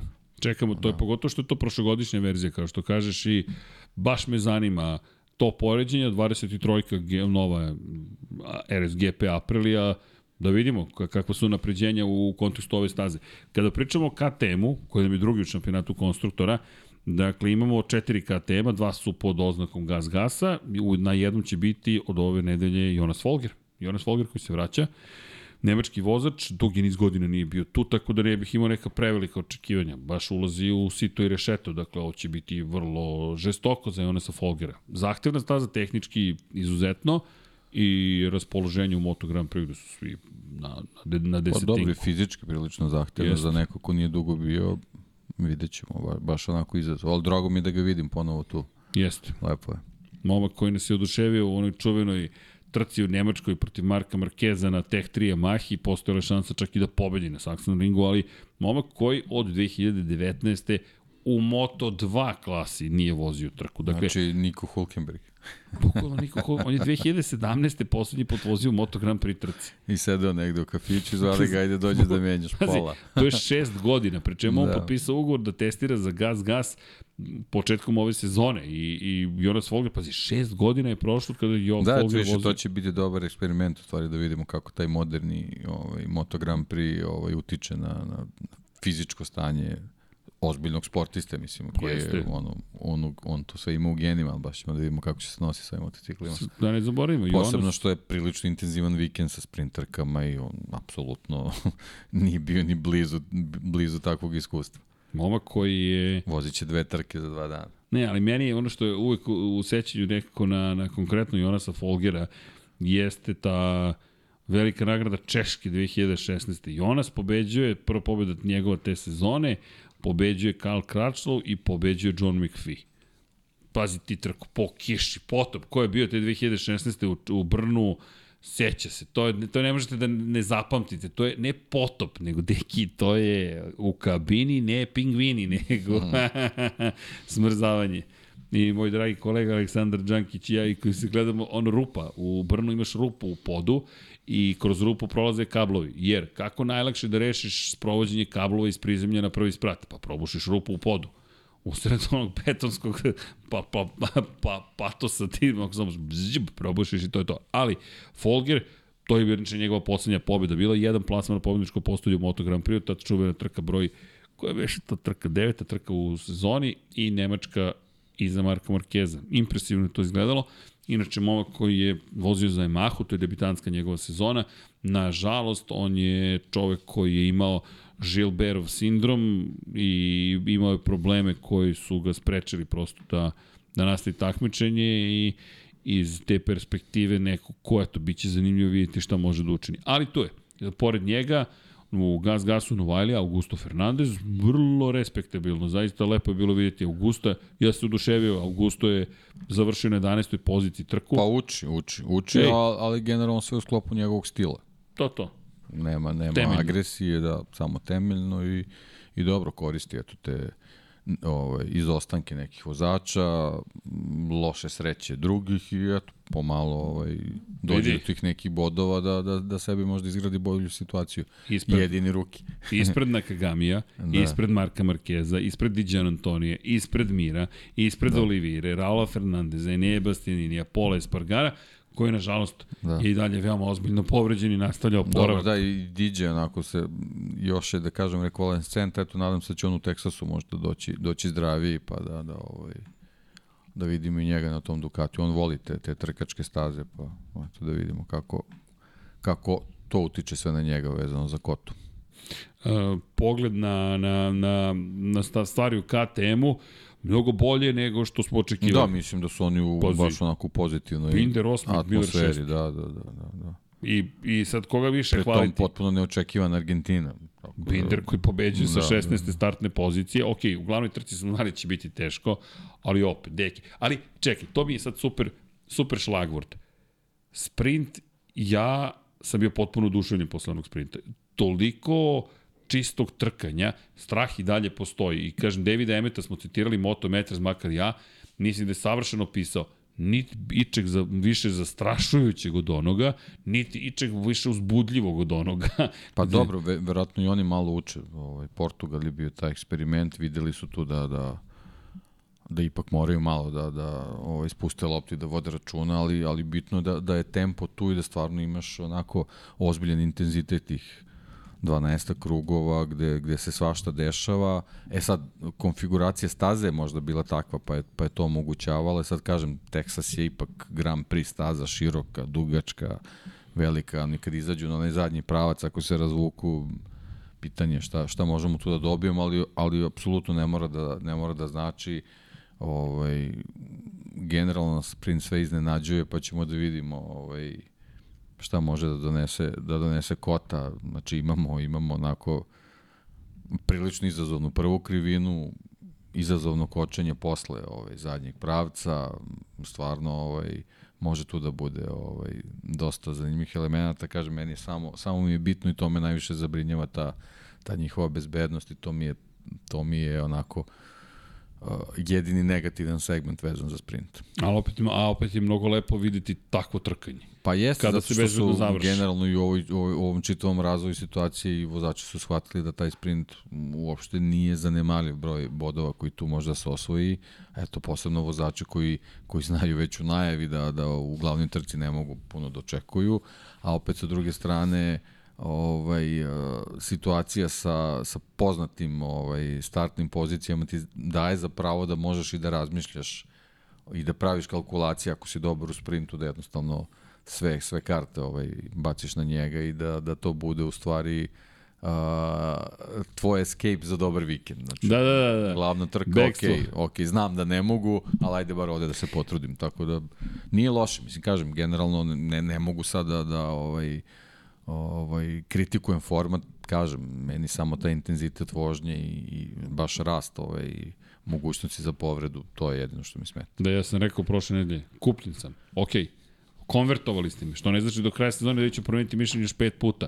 I sve zavisi od okolnosti, duga je sezona, sezona, upravo to. Da. Ali posle onoga, e, sprinta u Argentini, ne znam koliko ljudi je reklo, a šta će nam glavna trka u nedelju? Polako, ima svog smisla, Marko Beceki je odvezao majstorski, ono je bio gotovo pa masterclass. Ja, kada pogledam tempo Marka Beceki, ne znam šta bih rekao. Potpuno oduševljanje u onako teškim uslovima, hrabro, precizno, izuzetna trka. Ali, opet, da ne pobegnemo od KTM-ovaca, pobeda, Jack Miller se je vodio takođe u sprintu u prvoj trci. To nisu slučajnosti. Mi sada pričamo o dvojici vozača koje deluju kao da imaju jedan recimo kapriciozni motocikl u svojim rukama, ali koji će ga naterati da im da nešto. Jer Jack Miller, sedmi u glavnoj trci u Portugalu, šesti u glavnoj trci u Argentini i četvrti u prvom sprintu. Ok, završene trke, 25 poena, prvi sprint u Argentini nije bio idealan, ali da. opet. Pa dobro, to su ono manje više pozicije koje imaju Ducatiju. Tako. Pa... Tamo baš nije zadovoljio s njima, ovde, ovde kaže, kako se rekao, nije bolje. tako loše. Nije tako loše. A dobro, okej. Okay. Vidi, on je najbolje plasirani KTM vozač. Jeste, ali onda opet se vratiš ko sve nije vozio tu trku. Pa... Činjenica, činjenica. Ok, treba koristiti naravno situacije, sve, sve razumljivo, ali sad je, sad je veliki ispit za njega, nije on baš u koti, ovaj, zna, zna da bude dobar, ali zna i da bude onako baš da se, da se ne snalazi i to ne bude samo do motocikla, tako da vidjet ćemo. Prošle godine najbolji plasman, treća pozicija, odlična trka, pre toga sedmi u Americi, pre toga, pazi, na Ducatiju je bio treći, pa deveti, pa deseti, sad gore dole. Pa to ti kažem, da nije, gore dole. Nije baš... U Moto trojkama je bio odličan i pol pozicije pobjeda, ali ni, koliko može da garantuje da ćemo vidjeti Jacka Millena u onom raspoloženju. A inače, ako se pitate šta se čuje, nešto u pozadini mi to sređujemo, nemojte ništa da brinete. Studio je žive, živa stvar. Naravno. I to ovde je normalna stvar, tako da pozdrav za našeg uh, prijatelja, brata, poznanika i uh, co-hosta, autora i svega ostalog Čika Mixu. Gledajte jedan na jedan. Ko nije ispratio jedan na jedan novi podcast o NBA ligi, Vanja i Miksa jedan na jedan. Ba, pitao sam ih, a kako gost onda? 2 na 1. Tad se zna emisija zove 2 na 1. Ili 1 na 2. Napada on njih, zavisi ko je gost. Ali super je. I eto, ko se nije pretplatio, subscribe-ovo, kliknite subscribe, imate razloga, bit će još informacija, nismo tako naporni, naprotiv, mislim da smo zabavni, ili ako ništa drugo informativni, ali makar se mi zabavljamo, to je možda i najvažnije u celoj priči. Elem, Brad Binder, kada pogledamo Breda Bindera, Amerika, šta je dovela Amerika? 12. pozicija prošle godine, pre toga 9. pre toga odustao, pre toga 6. pre toga nije ni vozio i imao je treće mesto u moto trojkama. Tako da ne bih nužno tipovao sada na Breda Bindera, ali kao što si lepo rekao, Joker ti u ruci, sprint.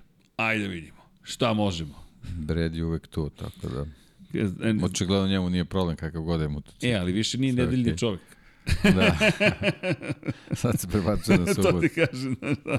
Sad je subotni čovjek, ali lepo ga bilo vidjeti. I naravno dolazimo do uf, dominacije fabrike koja ima osam vozača i samo njeni vozači trenutno pobeđuju, Ducati naravno. Što se tiče timova, imamo Muniver 46, imamo Prima Pramak, imamo Gresini i imamo naravno Ducati Lenovo tim koji ima samo dva poena više, peti u šampionatu timova od Gresini Racinga. Michele Piro će menjati ovoga vikenda je Neo Bastianinija, moraju sada da dovedu zamenu, prosto po pravilniku i to će biti probni vozač Michele Piro. Jedan od komentara, drugar Goran šalje negde sa interneta, Michele Piro pokušao da smisli kako zapravo da ne nastupi na sprintu, pošto ono što ga čeka će biti opšti haos. Ali dobro, to je prilike iz pa Michele. I Michele i Folgeri. Biće zabavno. Biće zabavno, da, da, definitivno. Da, i, da. i Štefan Bradl koji menja Marka Markeza. To sam danas negde video, ovo, jako simpatično. Kaže, samo tri stvari u životu su sigurne. da. Smrt, Smrt porez. da moraš da platiš porez, da će Bradl da menja nekog vozača Marquez. Honda u, Honda u Teksasu. da, da, Štefan Bradl je dobio tu jednu ulogu, neću reći baš najzahvalniju, ali, ali dobro, svakako važno u Repsol Hondi. Da, Muni vodi u šampionatu timova ispred Pramaka, pa ide Red Bull fabrički tim, pa Aprilia, pa Ducati fabrički tim, pa Gresini. Da, mali uzorak još. znam, znam, ali, ali opet zanimljivo, zanimljivo je. Zanimljivo znači, pogledaš ga, ok, šta rade da. ovi privatnici. Ali da, Marko Beceki i... Tu, tu generalno čito i priči Pramaku, ne, ne prije ta cela situacija. Da, pra, Pramak koji nema pobedu, da. nema ni pol poziciju i koji nije baš... Da, ti si u pramakovim bojama, stvari. Da, ja sam u pramakovim. Ne, ne, to je podrška za Čika Mixu, to je taj Baltimore Ravens moment. Ajde, da vam se malo posreći, dobili ste OBJ-a pa da vidimo. Moje su boje zelene, New York Jetsi, ali dobro. Deki je Cincinnati Bengalac. Tigrovi, Bengalski. Ajde, da se sretnemo, to bi bilo dobro. Negde neka akcija, neka utakmica. E, onda, deki, gledamo zajedno tekmu. Znaš, samo gledanje tekme. To bih volio da čujem tvoju analizu dok loše, traje da. tekma. Samo Da. druženje, ništa drugo. Elem, da se mi vratimo na motociklizam. Ducati. Može li iko da zaustavi Ducati? Prošle godine prva pobjeda za Ducati na ovoj stazi je Neba Bastianini, briljantno je bilo to. Ne, ovdje će sad samo biti zanimljivo kako će se raspodeliti pol pozicije, sprint i trka. Između Ducatija, misliš? Između Ducatijevaca, da. da. Da li misliš, ja nešto, nekako mi miriše Luka Marini da može da bude dobar ovog Može da bude dobar, ali ja opet, opet Jorge Martina stavljam Za pol u poziciju. prvi plan, da. A prošle godine za Da. 3000 dela sekunde bio je ispred Jacka Millera za pol poziciju. Dobro, dobro, to ćemo da Da. ispratimo, to će biti zanimljivo. Pa generalno, ovaj, u- uzimajući u obzir neku trenutnu formu i Zarko može da bude dobar konkurent za, za Grand Prix, ali on stalno, stalno mu taj, Stalno to nešto, nešto. nešto nedostaje stalno i onda, onda s njim bukvalno ne može da ideš na sigurno da pričaš, tako da ako ideš na sigurno staviš banjaju i to je to. Da, dobro, Fra, Francesco Banjaja, ajmo. Posebno posle ove greške u Argentini, tako je. mislim da, da je ponovo bio jako ljut na Katarza. sebe, da, da, ali dobro, to je to je, to mu se de, dešavaće mu se to, ali očigledno da će sad to da bude sve ređi i ređi. I ono što mi je zanimljivo, početak je sezone, kao da mu je, znaš na što me podsjeća, na Nemačku prošle godine, koja je bila polovinom godine, greška, je, ah, kao i Japan pred kraj Da. sezone, ah, ta da, jedna ovo, je- greška. ovo, je, ovo je taj tip greške bio stvarno bez Krajnje ikakvog, ra, bez ikakvog razloga. Sa ovim formatom, apsolutno ne mora da ide na 25 bodova. Sa ovim formatom i sa motociklom koji ima, apsolutno ne. Meni iz perspektive razmišljanja o šampionatu je bilo zaista veliko iznenađenje. Da li je moguće da te natera da juriš čoveka koji je, ne znam tačno koliko, da li 4 ili 5 sekundi ispred tebe? Gde? Zašto? Čemu? Znaš, potpuno... Privedeš trku kraju. privedeš trku kraju, bukvalno. Ja, a, to bi nešto, to je nešto što bih gledao kod nekog vozača Moto3 klase koji srlja zato što želi da se dokaže, pokaže kako god, umesto da kaže čekaj. Donosiš ajmo da- ljudima bodove u fantaziju. ne vidim nikakav razlog da bilo šta na taj način Ček, uradiš. kakva je situacija u fantaziji? Ok sam. Ok sam, ali svaku trku imam tako nekog ko je ili Mark Marquez faktor ili, ili eto tako neko samo ovaj, ishitreno. Meni je- Zadovoljan sam, zadovoljan. Meni je Enea ostao za prethodnu trku. Zaboravio da promeni. Ja bih morao da vidim, ali ne znam da li Pa znam pazi. password. Ako da već vidim. verujem u Luku Marinija, evo, Luka je dodat. Kod mene su Luka Marini, Marko Beceki, Alex Marquez, Augusto Fernandez. Koliko je Beceki dobar u ovom trenutku skuplji od Luke Marinija? To dovoljno govori o trenutnoj situaciji. Alex Marquez, zadovoljan sam tom kupovinom. Moram ti reći da je bilo, da je to dobro prošlo. Baš mi je dobro prošlo. Imam još ovde prostor. E, pa ja sam Augusto bio- Fernandez. Ja sam bio u Argentini Banjaja, Vinjales, Marquez, Morbidelli, Ducati i Muni. Tako da sam prilično lepo prošao. Nije to loše. Ja da, sam, osim, naravno, Peka. Peko mi je ovaj napravio problem, ali dobro. Inače vode Hajduci i Uskoci, pa Stenemed Racing, pa Ivana Team, pa Joan M1R, pa požuri polako, Krle 82, Brm Brm GP, Team Music, Dr. 00 i Deda 46. Ja sam 222. u, u ligi, tako da sam zadovoljan. Ja sam 331. Dobro, dobro. Pogrešio čovek. Pogrešio i Peko, sve u redu. Da, da, da. Da, ja sam pogrešio kod izbora vozača, prosto. Nisam obratio pažnju, ali to je samo moja greška, nema tu ništa da se ne se bunimo, kaže make a trade. Ajmo, confirm trade. Ako sam rekao da je Luka dobar, osjećano će biti, evo ga Luka. Eto, završeno, moram da promenim, povređen mi vozač. Eneo sam izabrao na početku sezone. Elem, da se vratim. Ništa, ja ću ostati na Pramakovcima i na Banjaji, pa sad, eto, to nek bude tako. Pa da vidimo, dobro, ja je drugi u šampionatu, 9 pojena za ostatka za Becekim, ali da, otvorena bitka i, i fascinantna je zapravo ta bitka. Meni ono što je fascinantno je Ver 46 Akademija, interna bitka. Pazi, to su drugari, a sad se borite za zvanje Ma dobro, da. šampiona sveta. Da. Iako Banja deluje kao koliko god bih volio da Beceki može.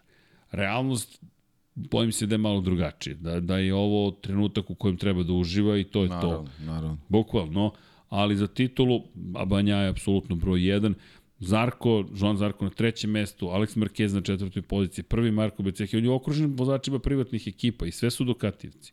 Ja to ne vidim da mu je Iko suštinski rival, Maverick Vinales je prvi fabrički vozač iza spomenutih vozača na poziciji 5, pa ide Jack Miller. Pa mislim, znaš kako, suština razvoja sezone što se njega tiče da, da ti ovaj, momci iz privatnih ekipa imaju svoje momente i bljeskove, a da on bude konstantan i da ne pravi takve greške kao što radi u Argentini, mislim da, da neće imati mnogo stresa. Mislim, nije pa. glupo što sam ovo rekao zbog zanimljivosti sezone, ali... Pa nije glupo, to je ali, tako. Tako je. Mark Marquez tako. nije na stazi. Dakle, kako god da je Honda, njega uvek gledamo kao potencijalnog kandidata za visoke pozicije. Ajde tako da Timski da problem nije na stazi. Enea Bastianini je upravo tako, koji je trebalo da mu bude suštinski najveći problem. Pa evo ti tekst. Treća trka za redom, ništa. Nema čoveka na stazi. A da. i kad se vrati, koliko si ti zapravo fizički dobro pripremljen i koliko si zapravo ograničen povredom koju si imao. Što je već tri trke iza nas, četvrta verovatno, Enea će i dalje biti bez pojena posle prva tri trkačka vikenda. Do tada neka uzme 7 poena u sprintu i 10 poena u, u, u glavnoj trci, on je na 58 poena prednosti u odnosu na Eneu Bastini. Što ne znači ništa. Dobro. Da, verujem da je Nea navija. Fabio, za, da. da, da, da. pa i to, Fabio dok nije u formi, to jest Yamaha Jest. dok mu ne da nešto bolje. Kažem, Jerez. Dosta miran. Jerez. Ovde, ovde ćemo možda moći zbog tih sektora da naslutimo šta ko još treba da popravlja, ali Jerez će već biti onako početak sezone. Da, da, ali dobro, a što se tiče Amerike, ja zaista mislim da ćemo mi dobiti sjajno trkanje. Klasično trkanje i to je ono što me negde raduje.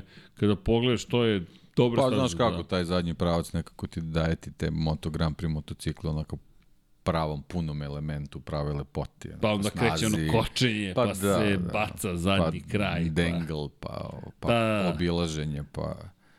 Ovaj, Laktovi, boje. Da, da, sve, sve, sve, svi elementi postoje tamo. Seti se Johna Mira da. i, i Jacka Millera. Pa to. Kako je skočio da. Jacku i Jacku i ga vuče za da. kacigu, ej. Pa dobri, Marquez i Rins i... i pa i Rossi, i, to je bila zanimljiva trka, i, Rins ovaj, i Rossi. Mm, Bastianini, Rins, bilo je... Bilo pa i Marquez prošle godine pa sa poslednje pozicije, to, to. čovek šta je uradio to, to. i još duel sa Fabijom Kvartararom koji mu ne da, da. poziciju. Ma ne da ti, kad poziciju. Ti, kad, kad uđeš u dobar ritam, stvarno, stvarno može da bude uživanje za gledanje i za, i za vožnje. Ne znam, ja dočekam, moram ti priznam. Pogotovo kvalifikacije da. dočekam. Ima osjećaj neke da će kvalifikacije baš biti... I lepo onako, termin je super i sve, sve odgovara. E da, da ne zaboravimo termine. A, pro, to ne smemo da zaboravimo. To ne smemo da zaboravimo. Spominjali smo. Evo, deki, slušaj, slušaj ovo. Zamisli Paju, Pavla Živkovića našeg, u Netflixu, Drive to Survive, kao šefa ekipe. Dobro. Ne, samo to, to je dovoljno. That's it, that's the sentence, to je rečenica. A onda smo te ubacili u film, Zamisli Dekija. koji bih re... ovako, ovako smo pričali tebi. Deki koji bi rekao šta? Ovo Formula 1. Svi bi dobili otkaz. 75% trke je završena, crvene zastave istaknute, vi nastavljate. Ajde, molim vas. ja mislim da bi bukvalno bila bukva. Ne, nema o čemu da pričamo. Uopšte, uopšte ne želim da Smijali da razgovaramo o bilo čemu što se desilo posle. e, da, i, i, pazi sad ovo, onda smo zamišljali, zamisli Paja na zidu, gleda kako Ferrari i mehaničar izlazi, zaborave točak. to je prvi koncept. Svi bi se razbežali. Onda Boris Trutin, naš dežurni penzioner koji kaže, a Srki bi otišao kod ovog mehaničara što je pogrešio i rekao, izvini, molim te, da li možeš da doneseš gumu? e, e, nismo... Izvini što te uznemiravam. Izvini što te uznemiravam ovog, ovog prijetnog popodneva, ali da li bi mogao da te zamolim da uzmeš ovu gumu ako ti nije suviše teško i da dodaš svom kolegi da stavimo na bolid, pošto treba se trkamo. Da, nismo znali baš kako bi ti reagovao nužno u toj situaciji, ali Uh. uh po tvom liku i izrazu lica rekao bih da ne bi se lepo proveli. Ali nam je to bilo nekako zabava juče. Pošto nema ničega. Znaš, prvi put Formula 1 otprilike sedimo, ono što smo ti juče picali. Tek i ja smo navikli. Nema, ništa se ne dešava kad nema trkanja u Moto da. Grand Prix. I sad Formula 1, svi su u fabrikama, radi se punom parom i zanimljivo zatiši, ali i to je deo i to je deo neke zabave. Ali dobro. Pot, ne, ne, ne, moramo da te, moramo da te nekako rasteretimo svih ostalih Nadam se, na, obaveza, nadam da. se da dolazi malo period. Ovo, sad je ovo, ali dobro, generalno, što se tiče automobilizma, autoindustrije, mart, april, to je svake godine isto. Uvijek je jurnjima, pa da. Da, i ove godine to bio taj sajam automobila koji onako kraće trajao nego, nego što je to ranije godine bio slučaj, ali valjda su ljudi nekog uželili svega toga, pa je bilo onako interesantno prilično. Da, bilo je. vezano samo za, za Infinity nastup koji isto bio super, ovaj, nego, nego eto, generalno sve te ostale obaveze onako baš je bilo intensivnih nedelju dana. E, onda, da. se, onda su se nadovezale još neke stvari koje generalno, tradicionalno slede posle toga, ovaj, što ljudi generalno javnosti ne zna, tu se sad dešavaju razne radionice vezano za pojavljivanje novih modela i onda to traje. Tako da, eto, nadam se da, da, da ovaj posle ovih praznika sre, sledi malo neki, neki mirni period. Da, čekamo, čekamo tvoj komentar na neke stvari koje su se dešavale. Sa nestrpljenjem čekamo. A neko je rekao, od Brazila prošle godine Deki se ne pojavljuje. A ne. Ali to je bila šala, samo smo konstatovali da, da je da je suviše zabavno, ništa drugo. Da. Ali dobro, idemo da, dalje. Mada mislim da nisam ništa ovaj, pogrešio što se toga tiče Brazila. Dakle, da Čekaj, nekako pa, se iz trke u trku vidi da je tako. pa vidi, delo je da su bile dosta proročke reči i kako će se stvari dalje odvijati. Ali dobro, to je neka druga tema. Kada je reč o, o Moto Grand Prix-u, Ducati zaista ima sve pred sobom čisto, u sve ove probleme koje ima Honda, Marquez, Fabio Quartararo, Yamaha. Pa generalno za sezonu će biti super da pobedi neko, neki vozač koji nije na Ducatiju. U Teksasu. To bi onako baš pred Jerez bilo super. O, mislim Ali, da vidim tip. Na koga da. ti, imaš tip ne, nekoga? Da nije iz Ducatija? Da. Ali to je sada igra. Ko bi mogao da pobedi da nije iz Ducatija? Ne u sprintu, nego baš u nedelju. Pričam, da, da, ja razmišljam sad o, o nedelji. Pa šta znam, ne znam, ovako stvarno je... Alex Rins. Pa do, to bi baš bilo senzacionalno. Zamisli. Bi bilo...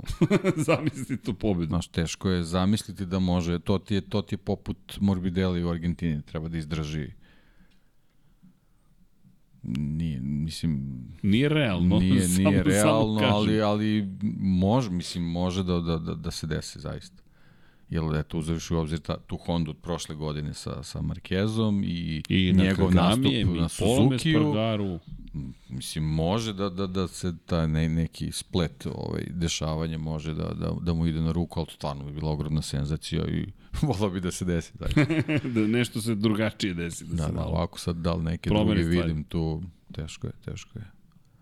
Mislim, meni bi bilo sjajno da, da on, recimo, i Fabio mogu da, da drže neki priključak sve vreme. Naravno, između njih dvojice prednost dajem Rinsu u ovom trenutku, ali ovaj, bilo bi jako zanimljivo da mogu da se umešaju. Ne, pa prosto da, meni... I volio, volio bih Aprili da vidim.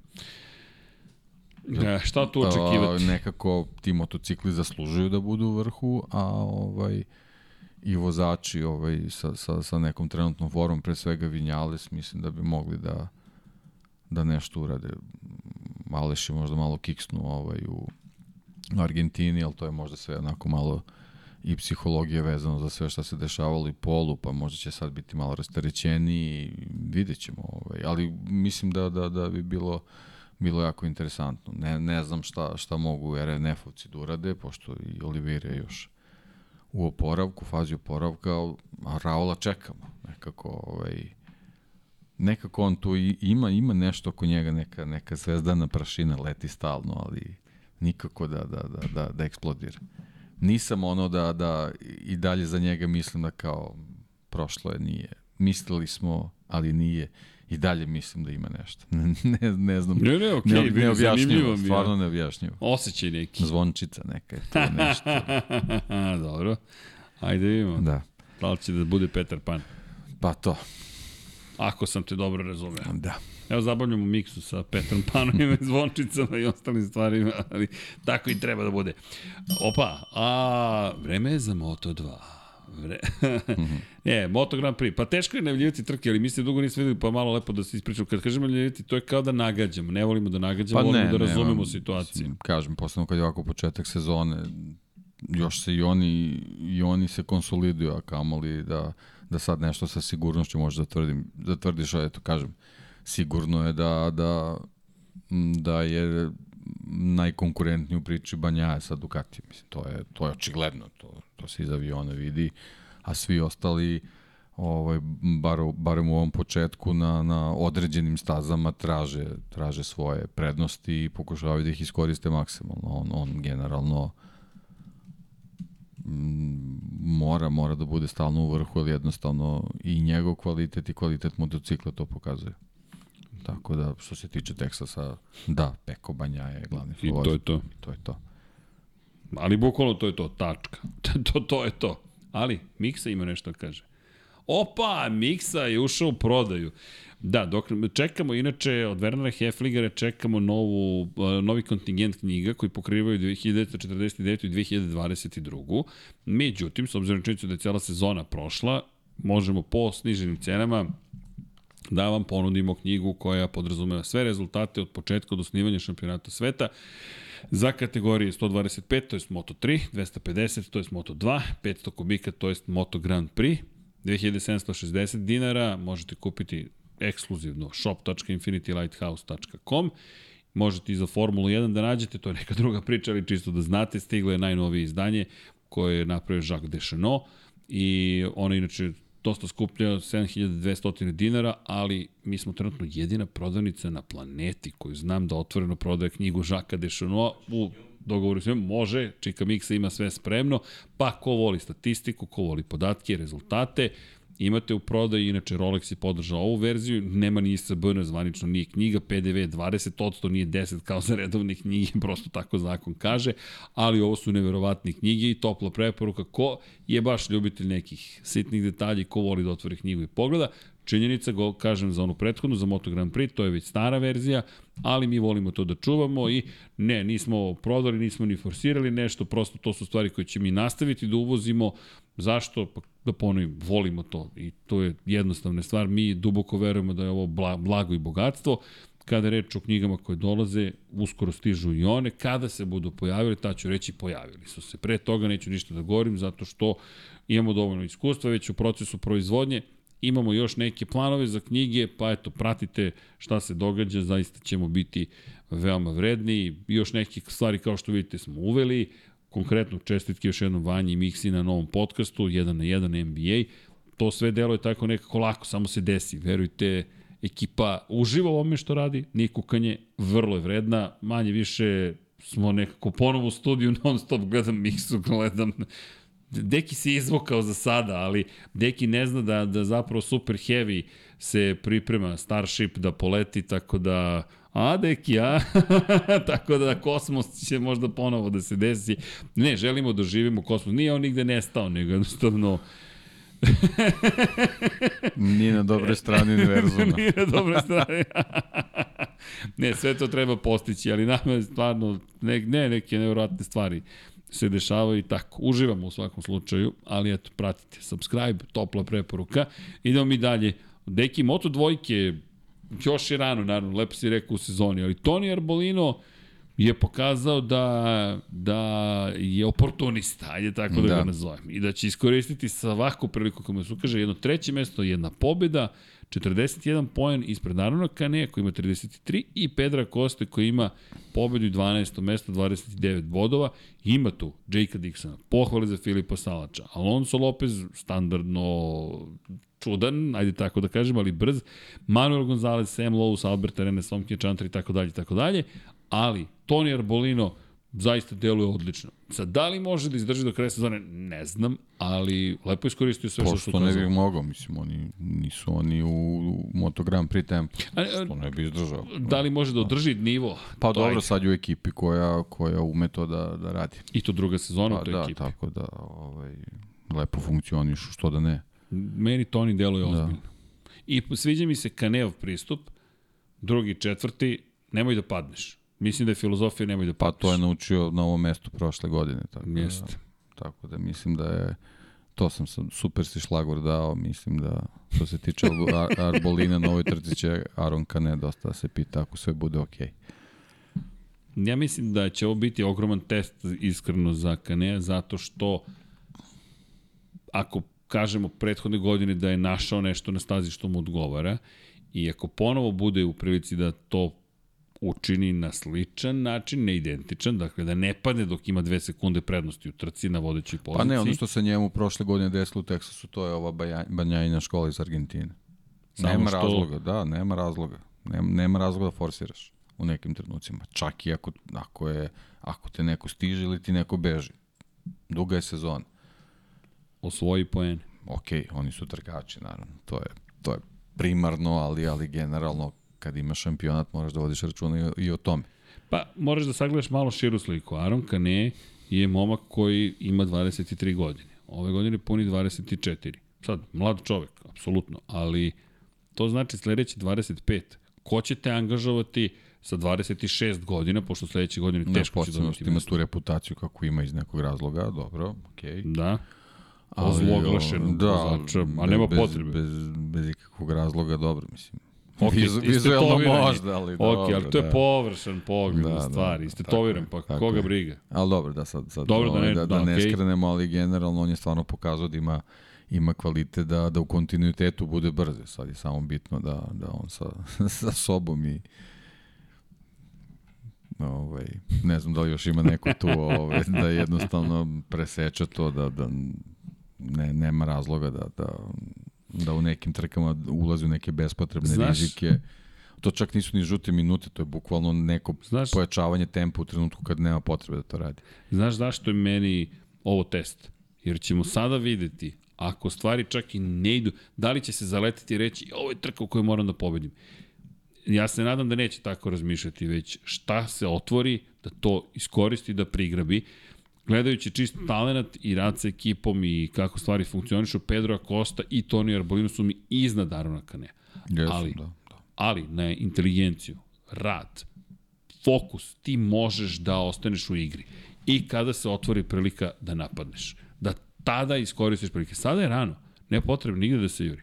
Ajmo da završamo trki i da vidimo kada dođe polovina sezone kako stvari stoje. Ja mislim da to treba da bude njegova taktika. Pa tako to da je radio prošle, prošle godine bio bi ozbiljen kandidat do, do samog finiša za titul. Imao je dve, tri trke da, da to nije uradio i, i sam je sebe eliminisao u nekom trenutku.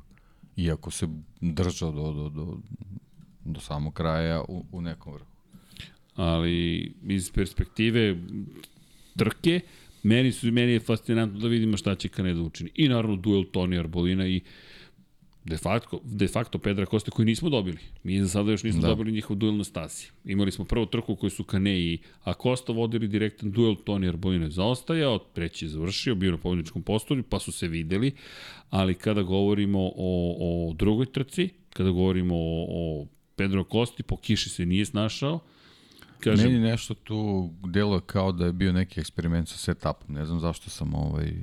Nekako, meni, meni od, od, od početka je bilo jasno da, da ništa tu neću raditi. Kao da su nešto probali da, da će se nešto desiti sa vremenom i onda će oni tu da ne znam koliko profitiraju i apsolutno ništa nisu radili. Mislim, prosto mi je neverovatno da, da su toliko spori bili. Tek pred kraj trke da. zapravo je počeo pa, polako da dolazi do Zato ti do kažem, deluje mi kao da je to počelo da radi u tom trenutku, ali naravno to, to je bilo apsolutno kasno, to kao, kao, da su, kao da su neki pogrešan tajming imali sa ili sa sušenjem staze ili već kao, kao da, da, da sa gumama nešto nije bilo u redu. Ne, nemam pojma, ne, neću da sad ovaj, nisam, nisam uspeo nigde da pronađem neke podatke, nije niko spektakularno pričao nešto o tome, ali mi deluje da, da, da je tu bila neka neka greška, tako da, eto, Teksasu nas čeka gotovo idealni uslovi, pa ćemo da vidimo. Da, inače, je pozdrav za Marka Hektora, misteriozna dinastija. Nije misteriozna, verujte, samo je duže trajala nego što je bilo ko očekivao. Tako da, da stiže, ali ja moram priznati da mnogo toga smo naučili i polako dolazimo na neki standard koji, koji ćemo moći da održimo i kada reče o nekim preciznijim prognozama. O, ekipa je uspostavljena najzad, da kažemo, stalna Imamo sada i prevode NFL-a, dosta je bilo tu nekih polemika kako neke stvari uraditi i prevoditi. Prvi smo koji kad izdaju knjigu, objavljuju knjigu tog tipa, tako da znate, pa eto, držite palčeve, da, da se ekipa još više ojača. Neću reći da nas je sve više, ali recimo da smo sve više fokusirani na samo Infinity Lighthouse, tako da, eto, neke stvari se menjaju. Pa ćemo da vidimo sad šta ga, evo, Miksa živi ovde polako, ali, ali nije nesrećan, bar deluje da... Pustio korenje. Pustio korenje, tako je. Da, da, da, ali dobro. Pa kažem, počeo da ide u pozorište. Nema kulturno uzdizanje i, i sve kako treba. Mik se uvijek išao u pozorište da bacuje, ali dobro. Da, inače, čestitki za muziku ko nije prepoznao Ziku u 1 na 1, da znate, zna se čije je. Zna se ko je to glavni za muziku. Ali dobro, idemo nazad u Moto dvojke. I potpuno otvorena trka očekujem. Ja bih pohvalio, kažem, Filipa Salača, opet očekivanja. Ne, ne, ne želim da ulazim u to vrstu prognoze, nemoguće mi je da kažem, ej ljudi, bit će to, to, to, to, to i to će se desiti, zaista ne znam, ali se vidite kako radujem toj trci u, u Moto2 kategoriji. Nekako uz sprint Moto Grand Prix-a, deluje mi kao da je trka Moto2 kategorije neću reći odmor, ne, ali nekako kao da je onaj sidro, onaj moment sidre, sidra sa prošlošću u smislu, ej vidi, to su te i dalje trke i ne mislim da je prošlost bolja sama po sebi ili bilo šta slično, nego nekako, e, ove trke poznajem i Moto3 trke poznajem, Moto Grand Prix ima sada širu priču uz sprint, a ovo je nekako, ej, čekaj, ovo je ono nedeljno popodne koje, koje sam navikao, znam, u 11.00 konkretno neće biti sad ovoga puta, eto nisam pročito, kada sam pročitam zapravo raspored za ovaj vikend. Dakle, u petak akcija kreće od 16.00, trening Moto 3, Moto 2, Moto Grand Prix 1, zatim od 20.15 dvojka, trojke, dvojke i Moto Grand Prix, drugi trening, zatim subota, 15.40, trening broj 3 Moto trojke, pa Moto dvojke, pa onaj čuveni slobodni trening Moto Grand Prix-a, pa kvalifikacije za Moto Grand Prix od 17.50, da ne kažem 6 popodne, Q1, Q2, jedno za drugim, od 20 časova, to je od 19.50, Q1 za Moto trojke, kvalifikacije za Moto dvojke su od 20.45 i od 22 časa sprint trka Moto Grand Prix u subotu. Dakle, Super. odličan termin. I odličan, zaista prime time, dođeš i kažeš čekaj subota je, pola sata, pff, adrenalina, I onda imamo naravno zagrevanje Moto Grand Prix klase 16.45 u nedelju i od 18.00 trka Moto 3 klase, od 19.15 trka Moto 2 klase i od 21.00 trka Moto Grand Prix kategorije. Odlično. Sve potaman. Od 9 uveče u nedelju i sve se lepo složilo dok se završi 10 časova, mi znamo pobednika, znamo situaciju u šampionatu i, imamo odgovore na neka od pitanja, ne na sva, ali imamo na neka od pitanja. Tako da Moto dvojki, kažem, nekako mi deluju kao jedno lepo sidro da kažeš, e, čekaj, vidiš šta se ovde sve zbiva i zaista veliki broj vozača koji mogu da, da, da ostvare dobre rezultate. Napomenuo sam ih na početku, ali bih par ljudi istakao, Serhija Garciju pogotovo, na petom mestu je bilo zaista sjajno. Ne trčim pred rudu, ne kažem da će jednom Garcia da bude sada otkrovenje sezone, ali bilo lepo. Ali ima materijal. Da, da, ima, ima. Definitivno ima. I Derin Binder, lepo se trkao. Derin, sviđa mi se ta njegova priča Moto 3, Moto Grand Prix, Moto 2. Još u bojama Husqvarne. Lukas Tulović je u Americi, tako da očekujte Lukasa na stazi. Prva njegova trka ove sezone u Husqvarnenim bojama, pa eto, malo podrške više za čoveka koji eto, ima srpsku zastavu što na leđima, što na rukavicama, pa je neka lepa, ne baš obična veza. I naravno čekamo Junior GP da počne kada je reč o Martinu Vugrinecu, da ispratimo šta će se tu i kako dešavati. Za one koji eventualno ne znaju kada počinje, pa tu smo mi, kalendar ove godine zapravo kreće od 7. maja u Estorilu, da ne kažem Išturil, kako ga zovu, makar lokalci kada pitate taksistu. Sad ne ulazim to kako se čita po transkripciji, samo sam napomenuo šta sam pitao taksistu u, u Lisabonu. Elem, Moto dvojke, topla preporuka zaista da ispratite, mogu da pročitam sad sva imena svih koji se takmiče i opet, verovatno bih, opet bih nekog zaboravio u celoj priči, ali eto, to su te, te neki ljudi koji, od kojih očekujemo dosta, kod koga počinjem da sumnjam da ćemo dobiti ono što smo videli prošle godine, Celestino Vijeti, nažalost. Moram da napomenem, 11. i 13 daleko baš od čoveka koji je vodio u šampionatu prošle sezone u ovo vreme. Nemam neki komentar, samo još jedan od momaka iz akademije i sa vrha koji poput Lorenza Baldasarija nekako došao da, pokazuje, na vrh. pokazuje da može, ali baš onako drugi deo sezone, baš onako sunovrat bio. Ne, ne, ne ni pad, nego bukvalno sunovrat. I ne oporavlja se. Ne, bukvalno se ne oporavlja. Što me dovodi do još jednog momka iz VR46 Akademije, koga moram da pohvalim kao uvod u Moto Trojke, Andreju Milja. Deki, došao je kao zamena u Cip Green Power, popeo se na treće mesto bez, bez sponzora, ali lepo je videti veterana na visokoj poziciji, naravno tamo se nastavlja bitka, Tamo će da grmi. Neizvesna, tamo, tamo će da, da grmi, da, da, da. da. Pazi, Daniel Olgado vodi u šampionatu, Diogo Morire drugi, treći, drugi, Juri prvu pobedu, Tatsuki Suzuki pobedio za Leopard Racing, sjajna pobjeda. E, pričao sam, imate pozdrav Midraga Kotora, čuli smo se u nedelju i Kotor kaže, pitan ga, pa je li, bila, bila, bila, si bio napet? Kaže, ne. Kaže, onoga momenta kada sam vidio dve sekunde prednosti da za Tacua, tad sam znao da više ne moram da razmišljam o tome ko će pobediti. Ne, to je lep kvalitet vozača. E, i, I bukvalno je to rekao. Rekao je, Tacu veći problem ima u tome što kada je gužva, da li... To se videlo. To se videlo. Prošle godine se to videlo. Te baš želi da ne bude u gužvi i rekao... Izdaje ga strpljenje. da, da, za Jaume Masiju, ajde kad spomenjem Leopard i, i, i Kotura, rekao je šteta. Prosto Jaume... Da, neverovatno šta ga sve prati, mislim. I rekao je, apropo ove greške, kaže, to je jednostavno jedan od, jedna od, jedna od, da kažemo, karakteristika od njega kao vozača, nema taj moment da stane i kaže, ej, ovo je dovoljno. Treće mesto, drugo mesto, četvrto mesto, neophodni su poeni i ima baš tu trkačku iskonsku potrebu da se bori za pobedu, da, da, da, da bude najbolji od svih po svaku cenu i baš sam gledao pa neke Dobro, rezultate. Da, sad, ono možeš kažeš, u Moto trojkama je to nekako očekivan, ali znaš, već, već, već mnogo iskusan, da, i onda, znaš, u 100, onda baš često nema sreće i... Ali dobro, ajde da kažemo, ovaj, Vidi, što se tiče Teksasa, stavit ćemo ga u favorite. Pa ja mislim da treba. Da. Pogotovo što on ima taj običaj posle loše trke da E, I ono što, što ja stalno napomenjem, Leopardi su najbrži na, u Moto trojkama. A, 1200 metara. To, tako je, tako je. I imamo da. pred sobom. Inače, kada pričamo o Americi, ko je pobedio prošle godine na novoj stazi? Džame Asija. Tako da Masiju moramo da moramo stavimo. Moramo stavimo, apsolutno. Jeste, to je bio onaj period njegov najbolji kada se oporavio pobjeda, drugo mesto, treće mesto pobjeda. Delovalo da može da titulu, nije bio u Leopardu, da, da napomenemo. U tom momentu nije na Hondi, nego na KTM-u i to u Red Bull IO ekipi. Sada je u Leopard Racingu, ali nije završio trku, 11 poena, pa eto, vidjet ćemo. I naravno, kada pričamo o ljudima koji nisu završili trku, Ayo Sasaki, Hajde da vidimo. Opet nekako veterani... No, dobro, opet, opet može da bude tu. Pa, dve pol pozicije.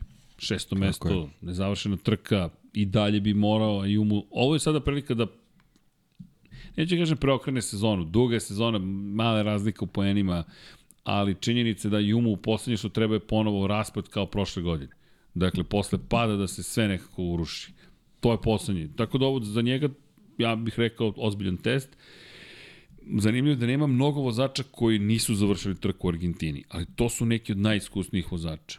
To je ono što je meni bilo ajde da kažem, frapantno. Inače, David Almansa, koji je odvezao sjajnu trku, šteta, prosto izbačen sa staze na kraju trke, kao, eto, korisni priliku što se tu da napomenem da, da, da je to baš bilo tužno videti, ali nažalost to je deo sporta, deo trkanja. Takve stvari se nažalost dešavaju i naravno da, da, da kada pričamo o o samom vrhu, kada pričamo o ajde da kažem, nekim očekivanjima, želim da vidim i Jose Antonio Reda šta može u nastavku ove sezone, zaista verujem duboko da taj momak i te kako ima šta da ponudi. Dakle, ali meni i na ovoj trci Rueda izgleda vrlo ozbiljno. Na kraju, ok, 23. pozicija, ali neko koga vredi gledati. I pohvale za Scott Ogden, 11. u šampionatu, peta pozicija, lepo je to. Sve nekako izgledalo. I naravno, standardno, Stefano Nepa, večito tu negde u okolini vodećih, ali ajde, sve toliko otvoreno da Moto Trojke nekako, opa, krenuo je Kimi da, krenuo je Kimi svojim putem, krenuo je Kimi da vozi, označuje zvonce, to kraj Kimi rekao da sviramo. da se vidi Kimi. Da, da se vidi lepo Kimi.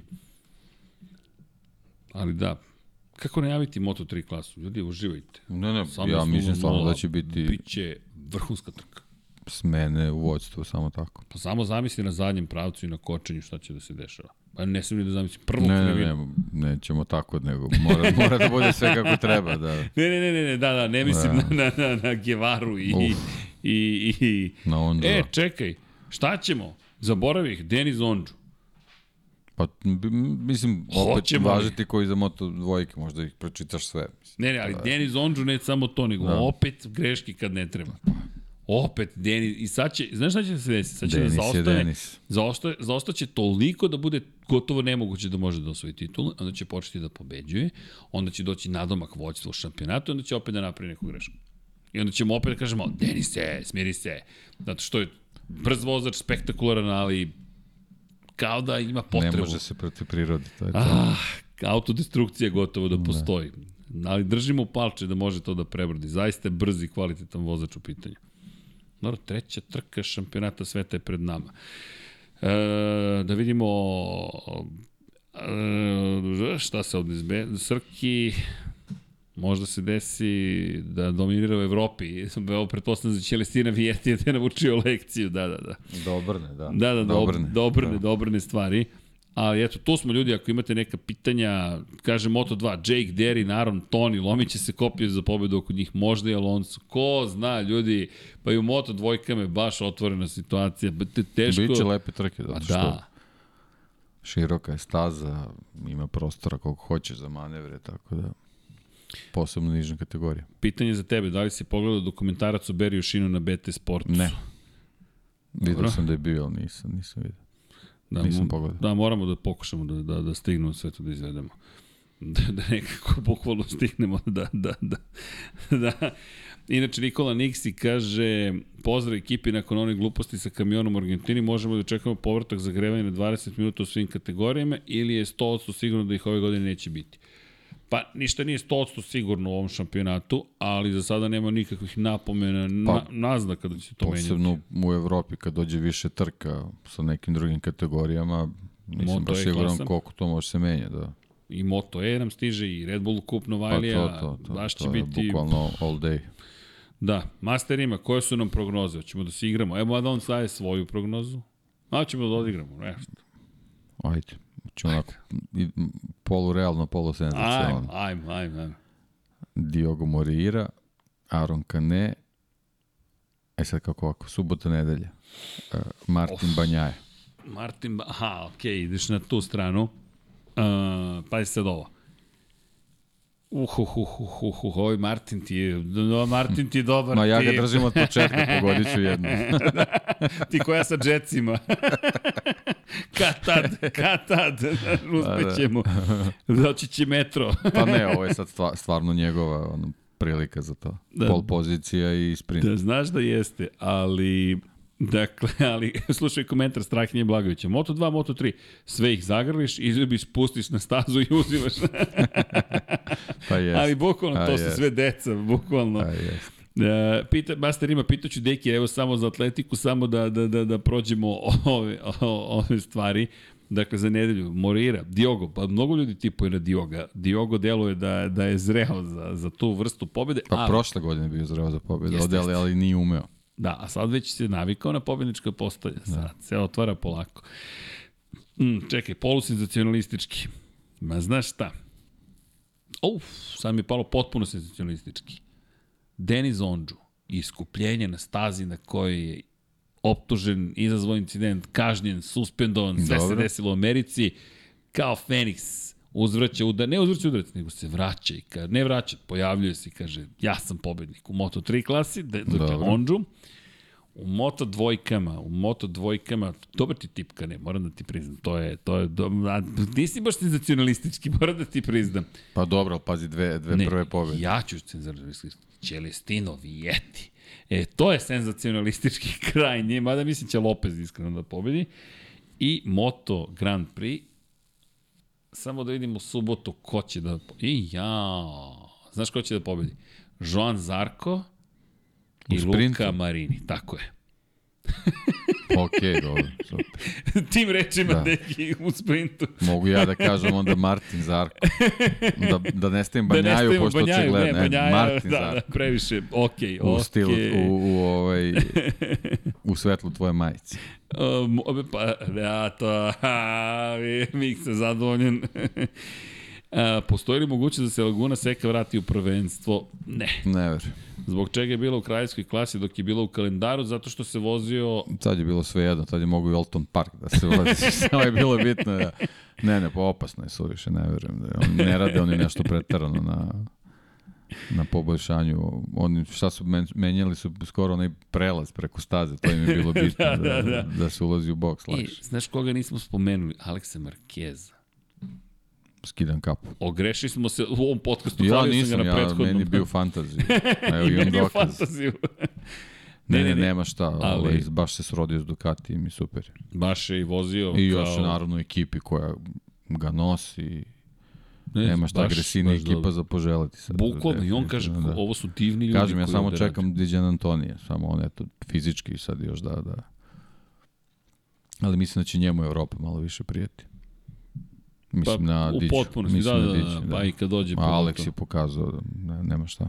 Kaže Ivan Vujosinović, Ondžu, Vijeti, Rins, eto senzacije. Pa kažem vam, Ondžu, Vijeti, ali ko je sad kopirao, vi mene ili ja vas? Jedino što ja idem na Rinsa, idem na Luku Marinija i... Ma dobro, rekao si Rins Ma, prvo. Rekao sam Rins prvo, da fakat, ali... Gle, ali rekao ajde. si Marini pre Rekao sam toga, Marini da, da očekujemo ozbiljnu trku od Marinija, ali Marinija ne vidim u sprintu. Marini nije za sprint. Ono je za njega divljaštvo. on, je, on je bukvalno, a on čovjek hoće u kliniku, hoće u precizne krugove, da, da brojim ih, trošim gorivo, vodim računa u gumama, a ovde imate razbojnika Jacka, Jack, Jack the, the Hack, bukvalno, imate Breda Binder, tačno vidiš karakteristike, vidiš ličnosti zapravo, kako dolazi do izražaja, ne znam. Zato možda Zarko i nije dobar izbor, ali mora nekada da pobedi. Ele, a, čekajte, čekajte, pobeže mi Da, nešto. u stvari to je. Šta? Zarko Kane Morir. A to je? To je. To je ta senzacija. okay, to, to je senzacija. To.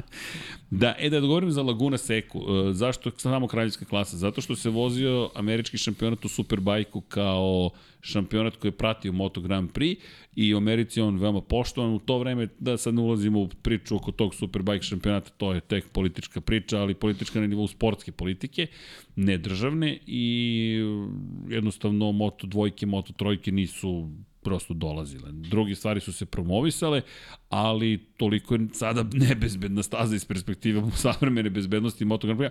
I iskreno moram da vam kažem, s ovim motociklima, Ne bih volio da ih vidim na Laguna Seki kada go gledam gde se zidovi nalaze.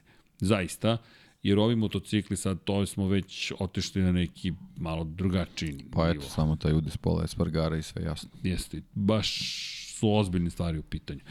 E, Boško Desri, zašto Srki ekipa ne ide na trke ove sezone nego samo Jeca? Duga priča, nema nikakve neke drame preterane, pričat ćemo o tom potom, ali pozdrav Jeleni našoj. I bila je, e da, bila je u, na ranču, trenutno je u gradu. Planirao sam da se uključimo, ali sad je u, u Ostinu i bila je na ranču kod Kolina Edwardsa, što je super, dakle Texas Tornado Bootcamp takozvani.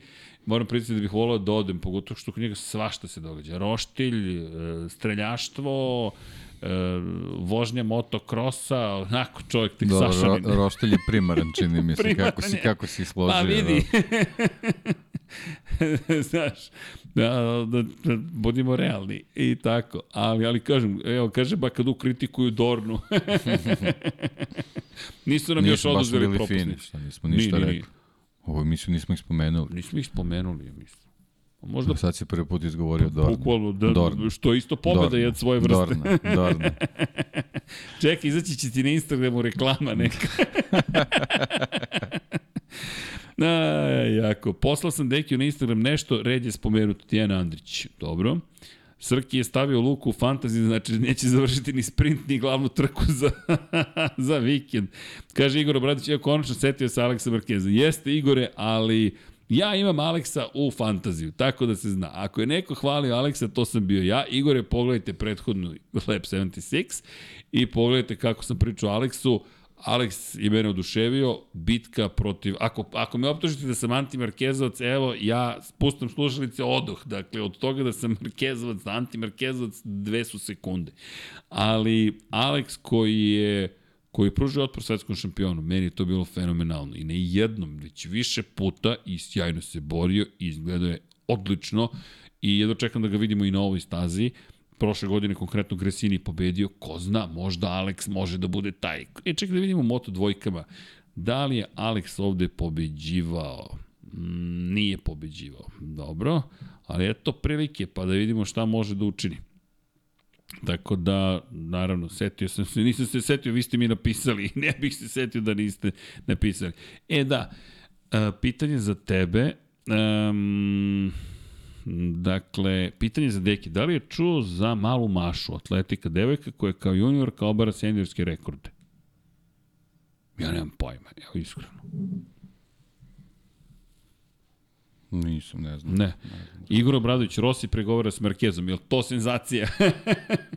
dakle, to, to, to bi bila senzacija. Uh, ali to, u, to bi bilo, zamisli, uh, Mark Marquez vozi za VR46 ekipu. Kaže, ti si Bato Ultra anti-Markezovac, a to sam pretpostavljam ja. Igore, vi ste izjavili nešto besmisleno, to je sve što imam da vam kažem. I nisam Bata.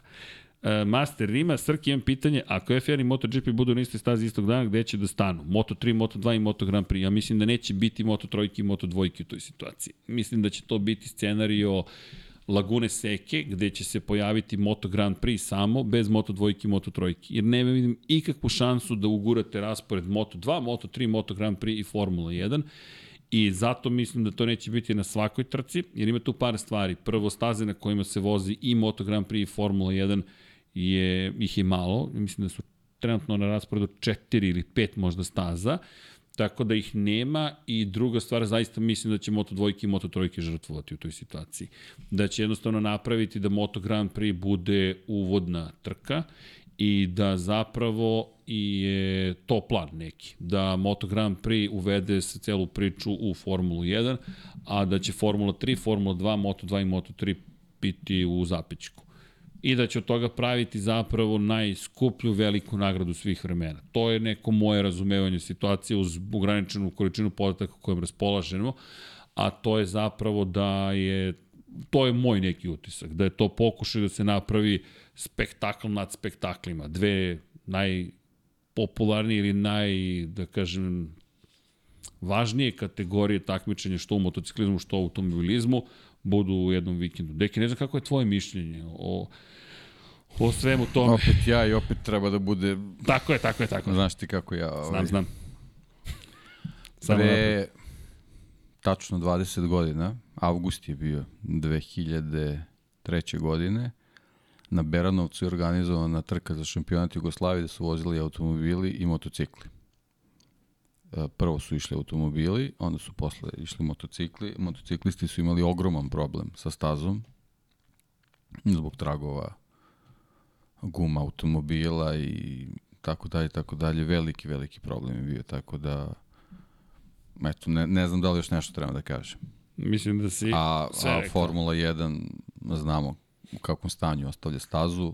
I kakve su da gume. Da Moto Grand Prix posle toga izađe. Pazi, to je Pirelli sa znači, Michelinom. Znači, eventualno da bukvalno svakog dana Moto Grand Prix bude prvi na stazi, da ide Formula 1, što je verovatno će biti možda tako da bude, ali glavni, glavni uslov je da, da se eto, posle svakog dana staza bukvalno pere iz početka. Da, ne znam, mislim sad spektakl, da, naravno jeste, ali ja sad ne znam da li stvarno treba ovaj, te momke stavljati u, u, u neke uloge gladijatora, zaista ne vidim zašto bi se to radilo. Ali opet ko sam ja da, da pričam o tome. da, ali delo je da je to da, neminovno. Eto, eto, čisto onako, ovo mi je palo na pamet, onako čisto jedna tehnička stvar, motociklisti posle automobilista ne provode se lepo na stazi. To smo, pa to možemo da vidimo i da. to smo vidjeli kada reč o Moto dvojkama, Moto trojkama i Moto Grand Prix-u. Dakle, kada Eto, da, govorimo... bukvalno samo, samo kvalitet, ovaj, proizvođač guma kad je drugačiji, pa u istom sportu, u istoj disciplini, pa bude problema, kamoli dve discipline. Da, pa problem je Dunlop proizvodi gume za Moto2 i Moto3 kategorije, Michelin za Moto Grand Prix i uvek je ista priča. Inače, sama činjenica da sada imate kvalifikacije odmah posle Moto dvojke, Moto trojki u jutarnjim časovima kada je staza u drugačijem stanju, menja ponašanje motocikla, pa onda imate trening slobodni koji ničemu ne služi praktično, a imate istovremeno situaciju da kada je reč o, o, o trkama, to jest o kvalifikacije ranije, samo da podsjetimo, su vožene pre Moto2 klase. Sada je to promenjeno. Mi sada imamo zapravo trening Moto trojki, pa Moto dvojki, pa onda imamo trening Moto Grand Prix klase, pa onda kvalifikacije, ali sve to utiče na, na, na pripreme. Tako da, samo zamislite Pirelijeve sada gume u celoj priči i to nije samo potpis proizvođača, to su zaista drugačija jedinjenja, hemijska jedinjenja, kojim, hemijski procesi kojima se dolazi do tih guma. Ove godine Formula 1 je zadržala isti hemijski proces, to je formulu, ali je promenila način konstrukcije guma i to je to uticalo na, na ponašanje bolida. Zašto to spomenjem? Kontaktna površina je mnogo veća zapravo, jer je tvrđa sama guma, I zahvaljujući tome je postignuto da je kontaktna površina veća. Kada govorimo i o ubrzanju u Formuli 1 u kontekstu rezultata koji se postižu, u velikoj meri gume pomažu u tome i razvoj guma je i u motociklizmu doveo do toga da možemo da gledamo zaista neke novoratne krugove. Michelin se često ponosi tim jer pokazuje koliko su zalepljeni zapravo motocikli za, za sam asfalt. Tako da imamo eto, specifičnu, neću reći situaciju, ali nešto što, eto, aj ček, ja, ja moram, neću reći jedno čekam, ali zanima me šta će se, šta će se sve tu desiti. E, šta da vidimo, američki Superbike je imao problema posle trke Naskara prošle godine u Koti, pošto su bili vikend za vikendom, pogotovo na legendarnim prelazima stari novi asfalt. Znači, vikend za vikendom, a zamisli ovo Tako je. posle sat vremena. Tako je. Znači, pa, čak isključivo neće... da motocikli budu pre, ali ne, ne znam kako to moguće kad u trkačkom vikendu dođe do miksa. Pa, e, znaš šta mene tu, ja mislim Mix. da će, ja, opa, miksi, miksa. Uvodimo, svašta uvodimo. Ja, deki, znaš koje, ja, šta se priprema? Automatizacije, miksevi, flori i fazoni, klavijaturu samo još ovde da ubacim. Samo čekam da mi daju sa MIDI interfejsom. Mada nam ne treba MIDI, imamo audio interfejs, mi spojimo da odmah... Ali dobro. E, dakle, kada govorimo o... otišao sam na neku svoju stranu, da smeju mi se ovde. Kada pričamo o... Ne pojme šta sam hteo da kažem. Krenuo sam od nekog i prebacio se u mix. Ti da rekli smo mix, mix, mix. E da, imam osjećaj da će u jedan popodne biti Moto Grand Prix. Vozi se do 1.45 proglašenje pobednika, a super izludilo. Jajte vi sad brzo bežite da tak, dođe ovaj. I onda dolaze. Ne sviđa mi se. Ali eto, to je to. E, nije pitanje vezano za MotoGP, ali zbog Nikola Niksi, ali zbog čega je Porsche Super Cup u sklopu, da kažem, F1 programa. Tim vozačima kapa dole, ne vidim povezano sa samom F1, niti da se može doći u F1. Pa to je neko nasledđe. Zašto mora se dolazi u F1? Pa da, ne, to je, ljudi, to je, to je sportsko takmičenje koje pruža priliku publici koja se okupila da uživa u trkama celoga dana zapravo. I nasledđe u kontekstu toga da je Porsche Supercup prisutan od 93. četvrte, dakle to je 30 godina. I dobra priprema staze bila u tom periodu. Eto, tako da i, i ono što je meni tu zanimljivo, Porsche od, je prilično velik proizvođač, tako da nemam neki baš odgovor bolji od toga, ali Zašto da ne? To je neko nasledđe vremena kada smo zaista hteli samo što više aktivnosti na stazi. I bilo je lepo gledati trke. Tako je, tad, tad nisu bile Formule 3, Formule 2, nego eto, neki drugi, druga takmičenja su bile pratiće šampionati. Ma inače, Master ima pita da li su možda sprint trke odgovor na to što je Superbike krenuo da privlači više pažnje, kao što je stvaranje GP klase bio odgovor na popularnost svetskog šampionata u Superbajku.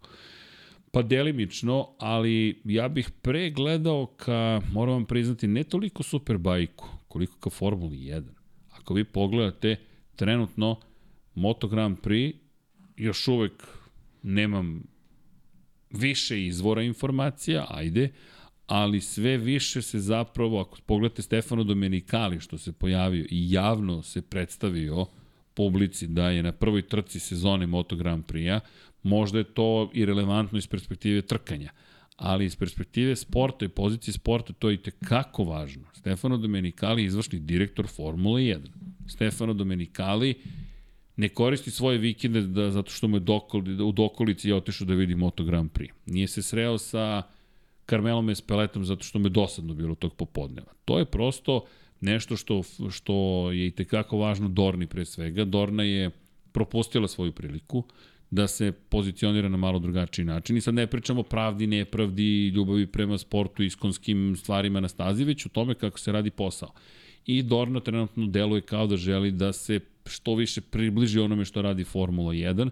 Ako pogledate sprint, font za sprint trku, Moto Grand Prix-a, to dosta podsjeća na Formulu 1, ceo koncept podsjeća na to, ali je promenjen u skladu sa prirodom, da kažemo, svetskog šampionata u motociklizmu. Tako da gledajte, ka Formuli 1, svetski šampionat u Superbajku, da, verujem da se pokriva delimično i time, ali Formula 1 je cilj Moto Grand Prix. To je moj utisak. I ta priča da će se ujediniti makar na nekoliko trka godišnje je potvrda toga. Tako da mislim da se ne plaše toliko Superbajka, konačno ko kontroliše Superbajk, Dorna kontroliše Superbajk, koliko bojim se da, da, da shvataju da su propustili jedinstvenu priliku da nešto više učine i ne zabiti zaboraviti, od ovog vikenda počinje jedna nova era u, u, u istoriji, rekao bih, Dorne, dolazi čovek koji iz Sjedinih američkih država da bude zadužen za zapravo odnose sa gledalcima, za marketing, za promociju, pretpostavljam, vidjet ćemo koja će njegova stvarno biti uloga, koji dolazi iz NBA ligi. Dakle, iz lige koju jedan na jedan pokriva, Miksa i Vanja, bum bum.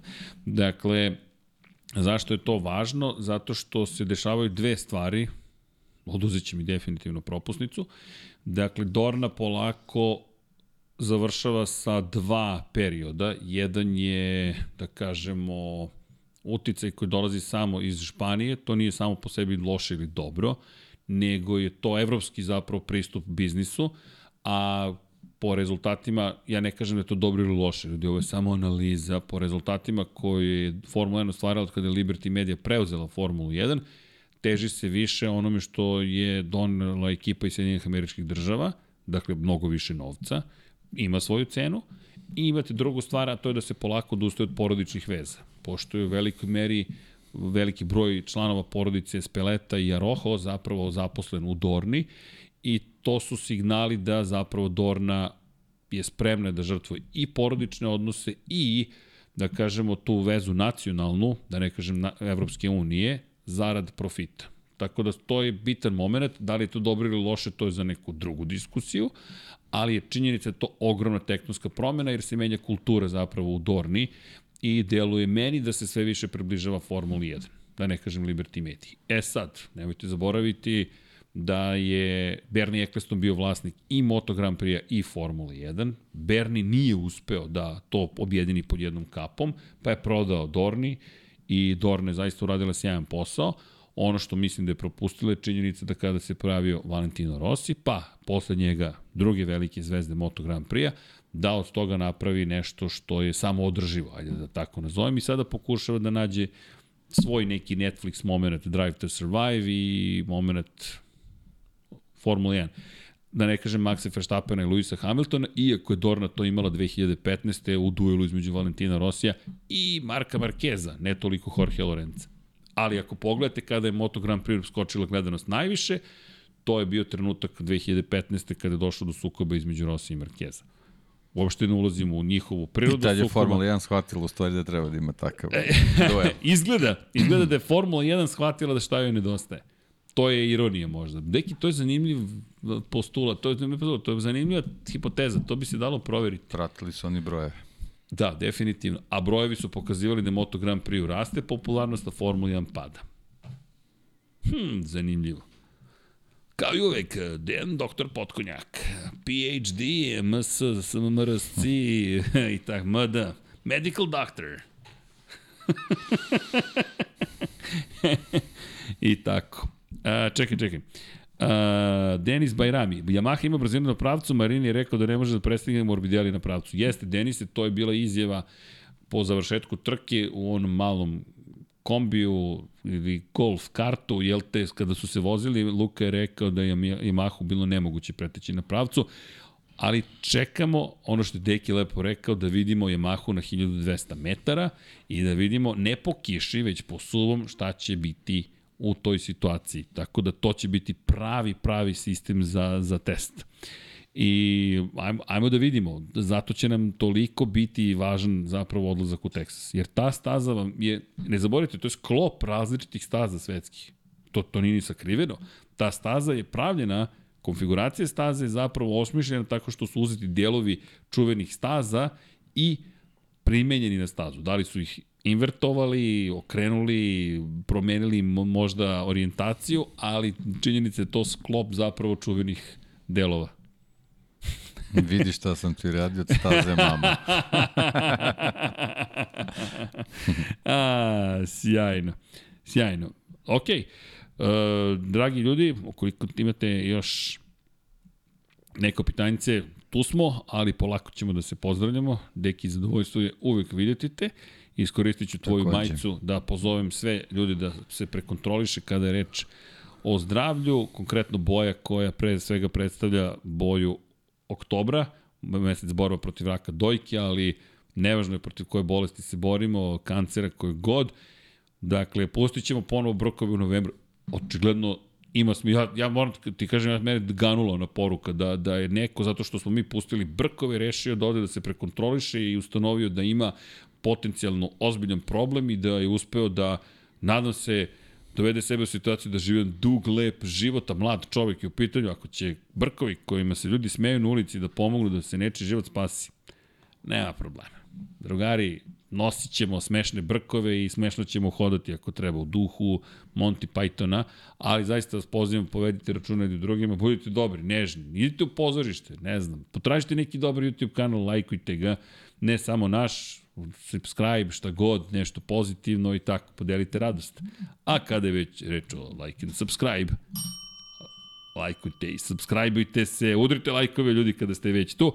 Da, dragi ljudi, kada govorimo o... Inače, pozdrav za Zlatka Tajtana Ilijevskog, uvijek ima milion informacija, ali ono što bih samo napomenuo jeste da kada govorimo o, o, o trkanju, sledeće nedelje se nastavlja svetski šampionat u Superbajku, nema ga ovog vikenda, ide se u Asen, jel me dobro sećanje služi, deki, nisam pomešao gde idemo sada, ja mislim da je Asen, pošto smo ove godine rešili da pratimo malo više izbivanja u Superbajku, Da li utiče ili ne, ne znam, ali mi volimo da pratimo, iako tamo Alvaro Bautista rešio da svima pokaže šta zna i šta može Ducati, ali eto, velika nagrada Holandije je na programu, a kada govorimo o nastavku tog šampionata, pa sad polako će se slagati neke trke, mada i tu ima velikih pauza, to je isto bizarno kako je organizovan. Boris Trutin kaže da li ja mogu da budem ministar za hodanje. Za smešni hoda, apsolutno, bori se, nema nikakvih problema. Monty Python, pozdrav za ekipu. Da li ide rade stant u Asen? Moram priznati da ne znam. Rade, da bismo baš mogli da pozovemo da vidimo šta, kakvi su plan. Ima novi motocikl, to znam, ali moramo da vidimo šta je sad to spremio rade. Tako da znate. Um, Može li koja reč o Daniju koji će voziti kao wildcard za KTM u Herezu i postoji šansa da se ponovo vrati Brno u kalendar? Ajmo Danija da, da ostavimo za baš pripremu za Herez ako se slažete.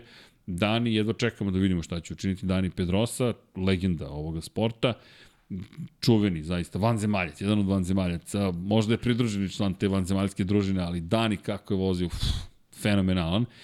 I e, kada pričamo o Brnu, evo reći ću vam iz jednog od najpouzdanijih izvora šanse su 1% da će se vratiti. Bukvalno tolike su šanse, s obzirom na činjenicu da je to sada otišlo nekim svojim putem. Ono što se trenutno priča kada je reč o stazama u Komšiluku, Hungaroring navodno radi na tome da unapredi bezbednost i prilagodi zapravo stazu motociklizmu, to je Moto Grand Prix, da bi dobio homologaciju neophodnu za svetski šampionat u motociklizmu. Da li će to zaista učiniti, ne znamo. Nažalost, Balaton Ring se nije pojavio, Panonia Ring ili kako već trebalo se zove na druga staza se nije pojavila, Ring je jedini koji još uvek postoji i organizatori trke za veliku nagradu Mađarski su rekli da planiraju da se uozbilje po pitanju toga koje će sportsko borilište u buduće koristiti u najavama velike nagrade Mađarski i to bi trebalo da bude Ring koji organizuje trku Formule jedan. Držim palče da se to zaista i desi, pošto bi zaista bilo lepo da u Budimpešti bude jedna takva trka i da možete na Moto Grand Prix dodate još jednostavnije. Kada je reč o Grčkoj, to je jedna čuvena priča, ja se nadam da ćemo se čuti sa našim kolegama iz Grčke da vidimo koliko je daleko otišla ta priča i da li će staze biti u Grčkoj za sada. Na, za sada nije baš uh, to posredi. Uh, da vidimo ovde priču o aerodinamici, Marku Markezu i tako dalje i tako dalje kada je reč o, kada je reč o aerodinamici, kada je reč o generalno tome, još i Bradley Smith pričao da 2016. godine da uz pojavu krila se menja vrtloženje vazduha, posledica prosto da ulazite u turbulentan vazduh iza motocikla i da to utiče na ponašanje motocikla. I kada govorimo o tome, samo bih da napomenem da, da je Marquez rekao da je promašio prosto kočenje, Da li se posle toga poremetilo ponašanje motocikla? Apsolutno, ali mogli ste da vidite kako je poleteo zadnji kraj motocikla. Prosto u tom momentu to je vozilo van kontrole. Aerodinamika pa više ne služi o primarnoj svrsi, ali nije Marquez ni tražio neki izgovor. Rekao je da, motocikl, ja sam izgubio kontrolu motociklom, kasnije sam sa kočenjem, da li je Maverick Vinales je rekao u Portugalu da je video da će svi kasno kočiti, da želi da izbegne gužvu. To je jednostavno predosetio, nije predosetio, video je koliko kasno koče. Dosta je, da kažemo, jednostavno. Kada će sledeća knjiga? Vrlo brzo. Branislave, ništa ne izgovaram više dok ne vidim ja svojim očima neke stvari, pa da ne bude da sam dao neku pogrešnu informaciju i nadam se da eto, da smo pokrili teme koje smo imali za, za ovaj podcast, bilo je lepo družiti se deki ponovo sa tobom, Miksa, hvala, šta drugo da ti kažem, pripremili smo neke lepe stvari i za narednu nedelju, to ovoga petka 99 yardi pauzira malo, s obzirom na činjenicu da većina neće biti tu. Ko slavi ovoga petka praznik, čest srećan praznik želimo, ko je slavio prethodnog vikenda, srećan praznik, ko ne slavi, takođe želimo vam lepe dane, da uživate svakako u trkanju koje je pred nama i da se silno zabavimo. Uh, kaže Srki, ne svađamo se Muki, Alex i ja samo diskutujemo kao pa i Deki. pa eto, Deki nije šest meseci bio tu, pa vi vidite. šalim se, šalim se. Da, ali to je bilo zabavno. Pa samo da znate, mi ajde, pričat ćemo. Ima nekih novih projekata zahvaljujući toj diskusiji, pošto su se neki ljudi duševili, što na kulturan i argumentovan način može da se vodi priča u kojoj ne delimo mišljenja, a sedimo za istim stolom. Tako da znate.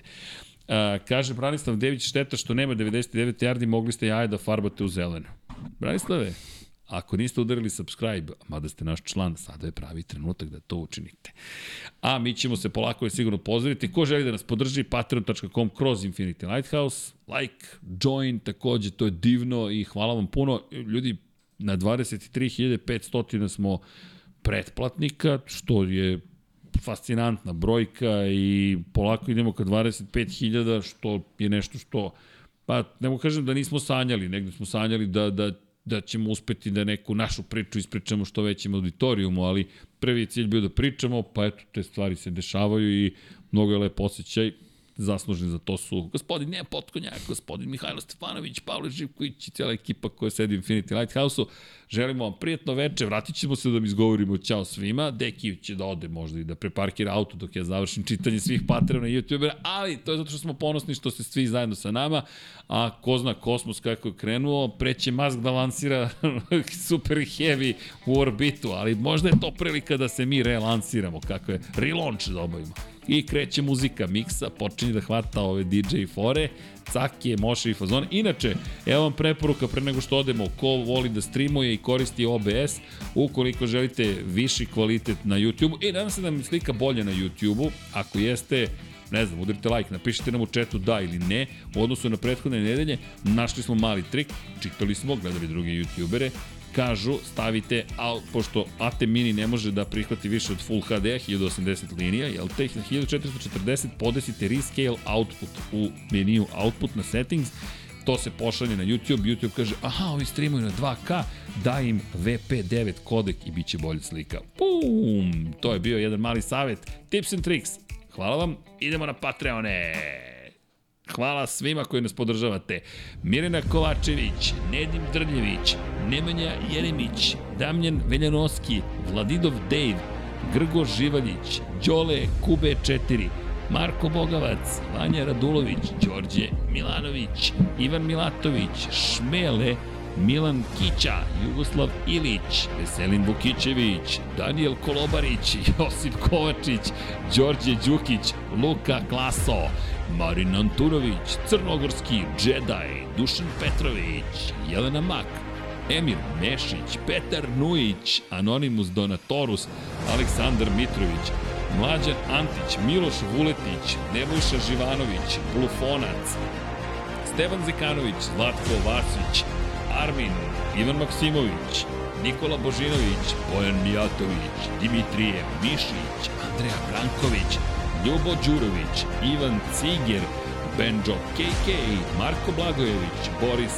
Gvozden, Zoran Šalamun, Stefan Milošević, Monika Erceg, Denis Špoljarić, Miloš Broćeta, Matija Rajić, Aleksandar, Andreja Miladinović, Ivica, Džigibao, Stefan Dulić, Nikola Marinković, Boris Golubar, Ivana, Vladimir Mutić, Darko Trajković, Kristijan Šestak, Miloš Rašić, Andreja, Goša 46, Miroslav Cvetić, Armin Durgut, Đorđe Radojević, Andrej Božo, Alen Vuletić, Stefan Stanković, Renata Neš, Jasmina Pešić, Đole Cheesehead, Andrej Bicok, Luka Martinović, Inzolin 13, Vladimir Filipović, Nemanja Labović, Dragan Matić, Đurđica Martinović, Nikola Stojanović, Đerman, Lazar Hristov, Ognjen Grgur, Lj. Đurović, Stefan Vidić, Stefan Nedeljković,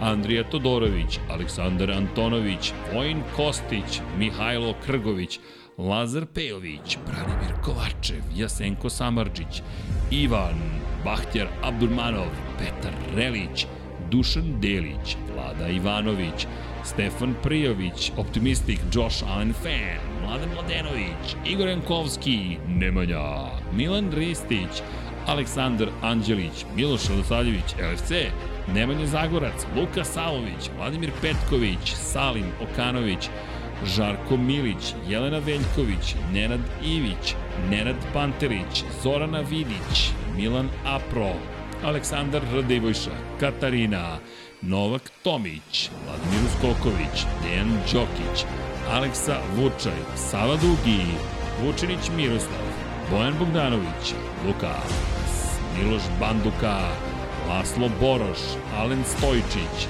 Životić Jovan, Predrag Pižurica, Zoran Majdov, Nikola Grujičić, Stefan Ličina, Branislav Kovačević, Nenad Simić, Bojan Majstorović, Da žena ne sazna, Matija Binotto, Luka Melitašević, Miloš Todorov, Marko Marković, Bata Brada, Nikola Milosavljević, Vukašin Vučenović, Marko Petrokanović, Zoltan Mezeji, Ivan Rebac, Kimi Raikkonen, Đole Bronkos, Stefan Janković, Filip, Ivan Simeunović, Aleksa Lilić, Branimir Rijavec, Saša Ranisavljević, Srđan Sivić, Lambli Sapa, Aleksa Valter, Ognjen Ungurjanović, Vukašin Jekić, Vuk Korać, Zoran Cimeša, Nedin, Ivan Maja Stanković, Danijela Ilić, Ferenc Laslofi, Danka, Boris Kojundžić, Aleksandar Bobić, Marko Mostarac, Stefan Vuletić, Antonio Novak, Borko Božunović, Ivan Rečević, Jugoslav Krasnić, Aleksandar Banovac, Ivan Panajotović, Vladan Miladinović, Ante Primorac, Igor Gašparević, Milan Nešković, Đorđe Andrić, Marko Horg, Kovačević, Omer Igor Vučković, Dejan Avić, Dušan Ristić, Gloria Edson, Branislav Milošević, Ružica Stefanović, Bogdan Uzelac, Živojin Petković, Borislav Jovanović, Stefan Lešnjak, Neđo Mališić, Matej Sopta, Sead Šantić, Marko Kostić, Marko Ćurčić, Marina Mihajlović, Toni Ruščić, Tijana Vidanović, Dragan Nikolovski, Luka, Milan, Milan Paunović, Anonimus Donatorus, Marko Kozić, Nedo Lepanović, Branislav Marković, Aleksandar Jurić, Pavle Nj, Predrag Simić, Boris Erceg, Jelena Jeremić, Mladen Krstić, Nemanja Miloradović, Dejan Vojović, Anonimus Donatorus, Jeca i Stefan, Milan Milašević, Mladen Tešić, Deus Nikola, Safet Isljami, Nikola E, Borislav Vukojević, Branko Bisački, Mirina Živković, Dorijan Kablar, Ognjen Marinković, Branislav Dević, Ivan Toškov, Ertan Prelić, Krorobi 0-0, Domagoj Klarić, Resničarin, Mensur Kurtagić, Blagoj Ačevski, Nemanja, Petar Bjelić, Ivan Vojosinović, Nikola Kojić, Tatjana Lemajić, Ivan Magdelinić, Ivan Vincetić, Zlatko Marić, Ljeljana Milutinović, Kosta Berić, Maksi, Bojan Stanković, Goran Mlađenović, Marko Stojilković, korespondent, korespondent, Alen Jesenović, Ivan Božanić, Milorad Regić, Nikola Grđan, Nemanja Bračko, Uroš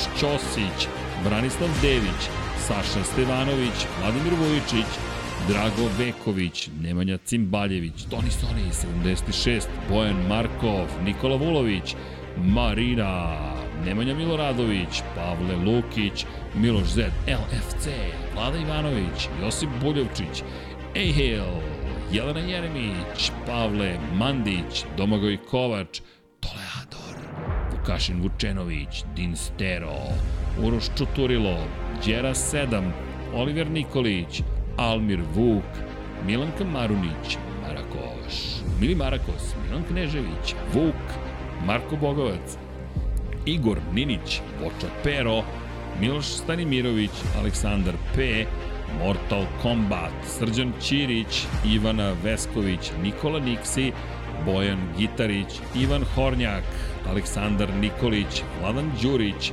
Đorđe Janjić, Hristo Nakov, Dejan Janić, Almedin Ahmetović, Nikola Božović, Vojislav Tadić, Koja 7, Galeksić, Sejdo Mojčić, Omer Sarajlić, Škundra, Skundra, Bakadu, Aleksandar Kockar, Igor Ilić, Aleks Volović, Dejan Plackov, Plackov, Vladimir Subotić i Anonimus Donatorus. To bi bila cela ekipa dragih ljudi koja nas podržava i uz ove pozdrave iz studija na kraju univerzuma da vam kažemo još jednom hvala, budite dobri, mazite se, pazite se, volite se i vozite računaju drugima. Deki, zadovoljstvo kao i uvek i Takođe. hoćemo da se pozdravimo. Ajmo na 1, 2, 3. 1, 2, 3. Ćao, Ćao svima. svima.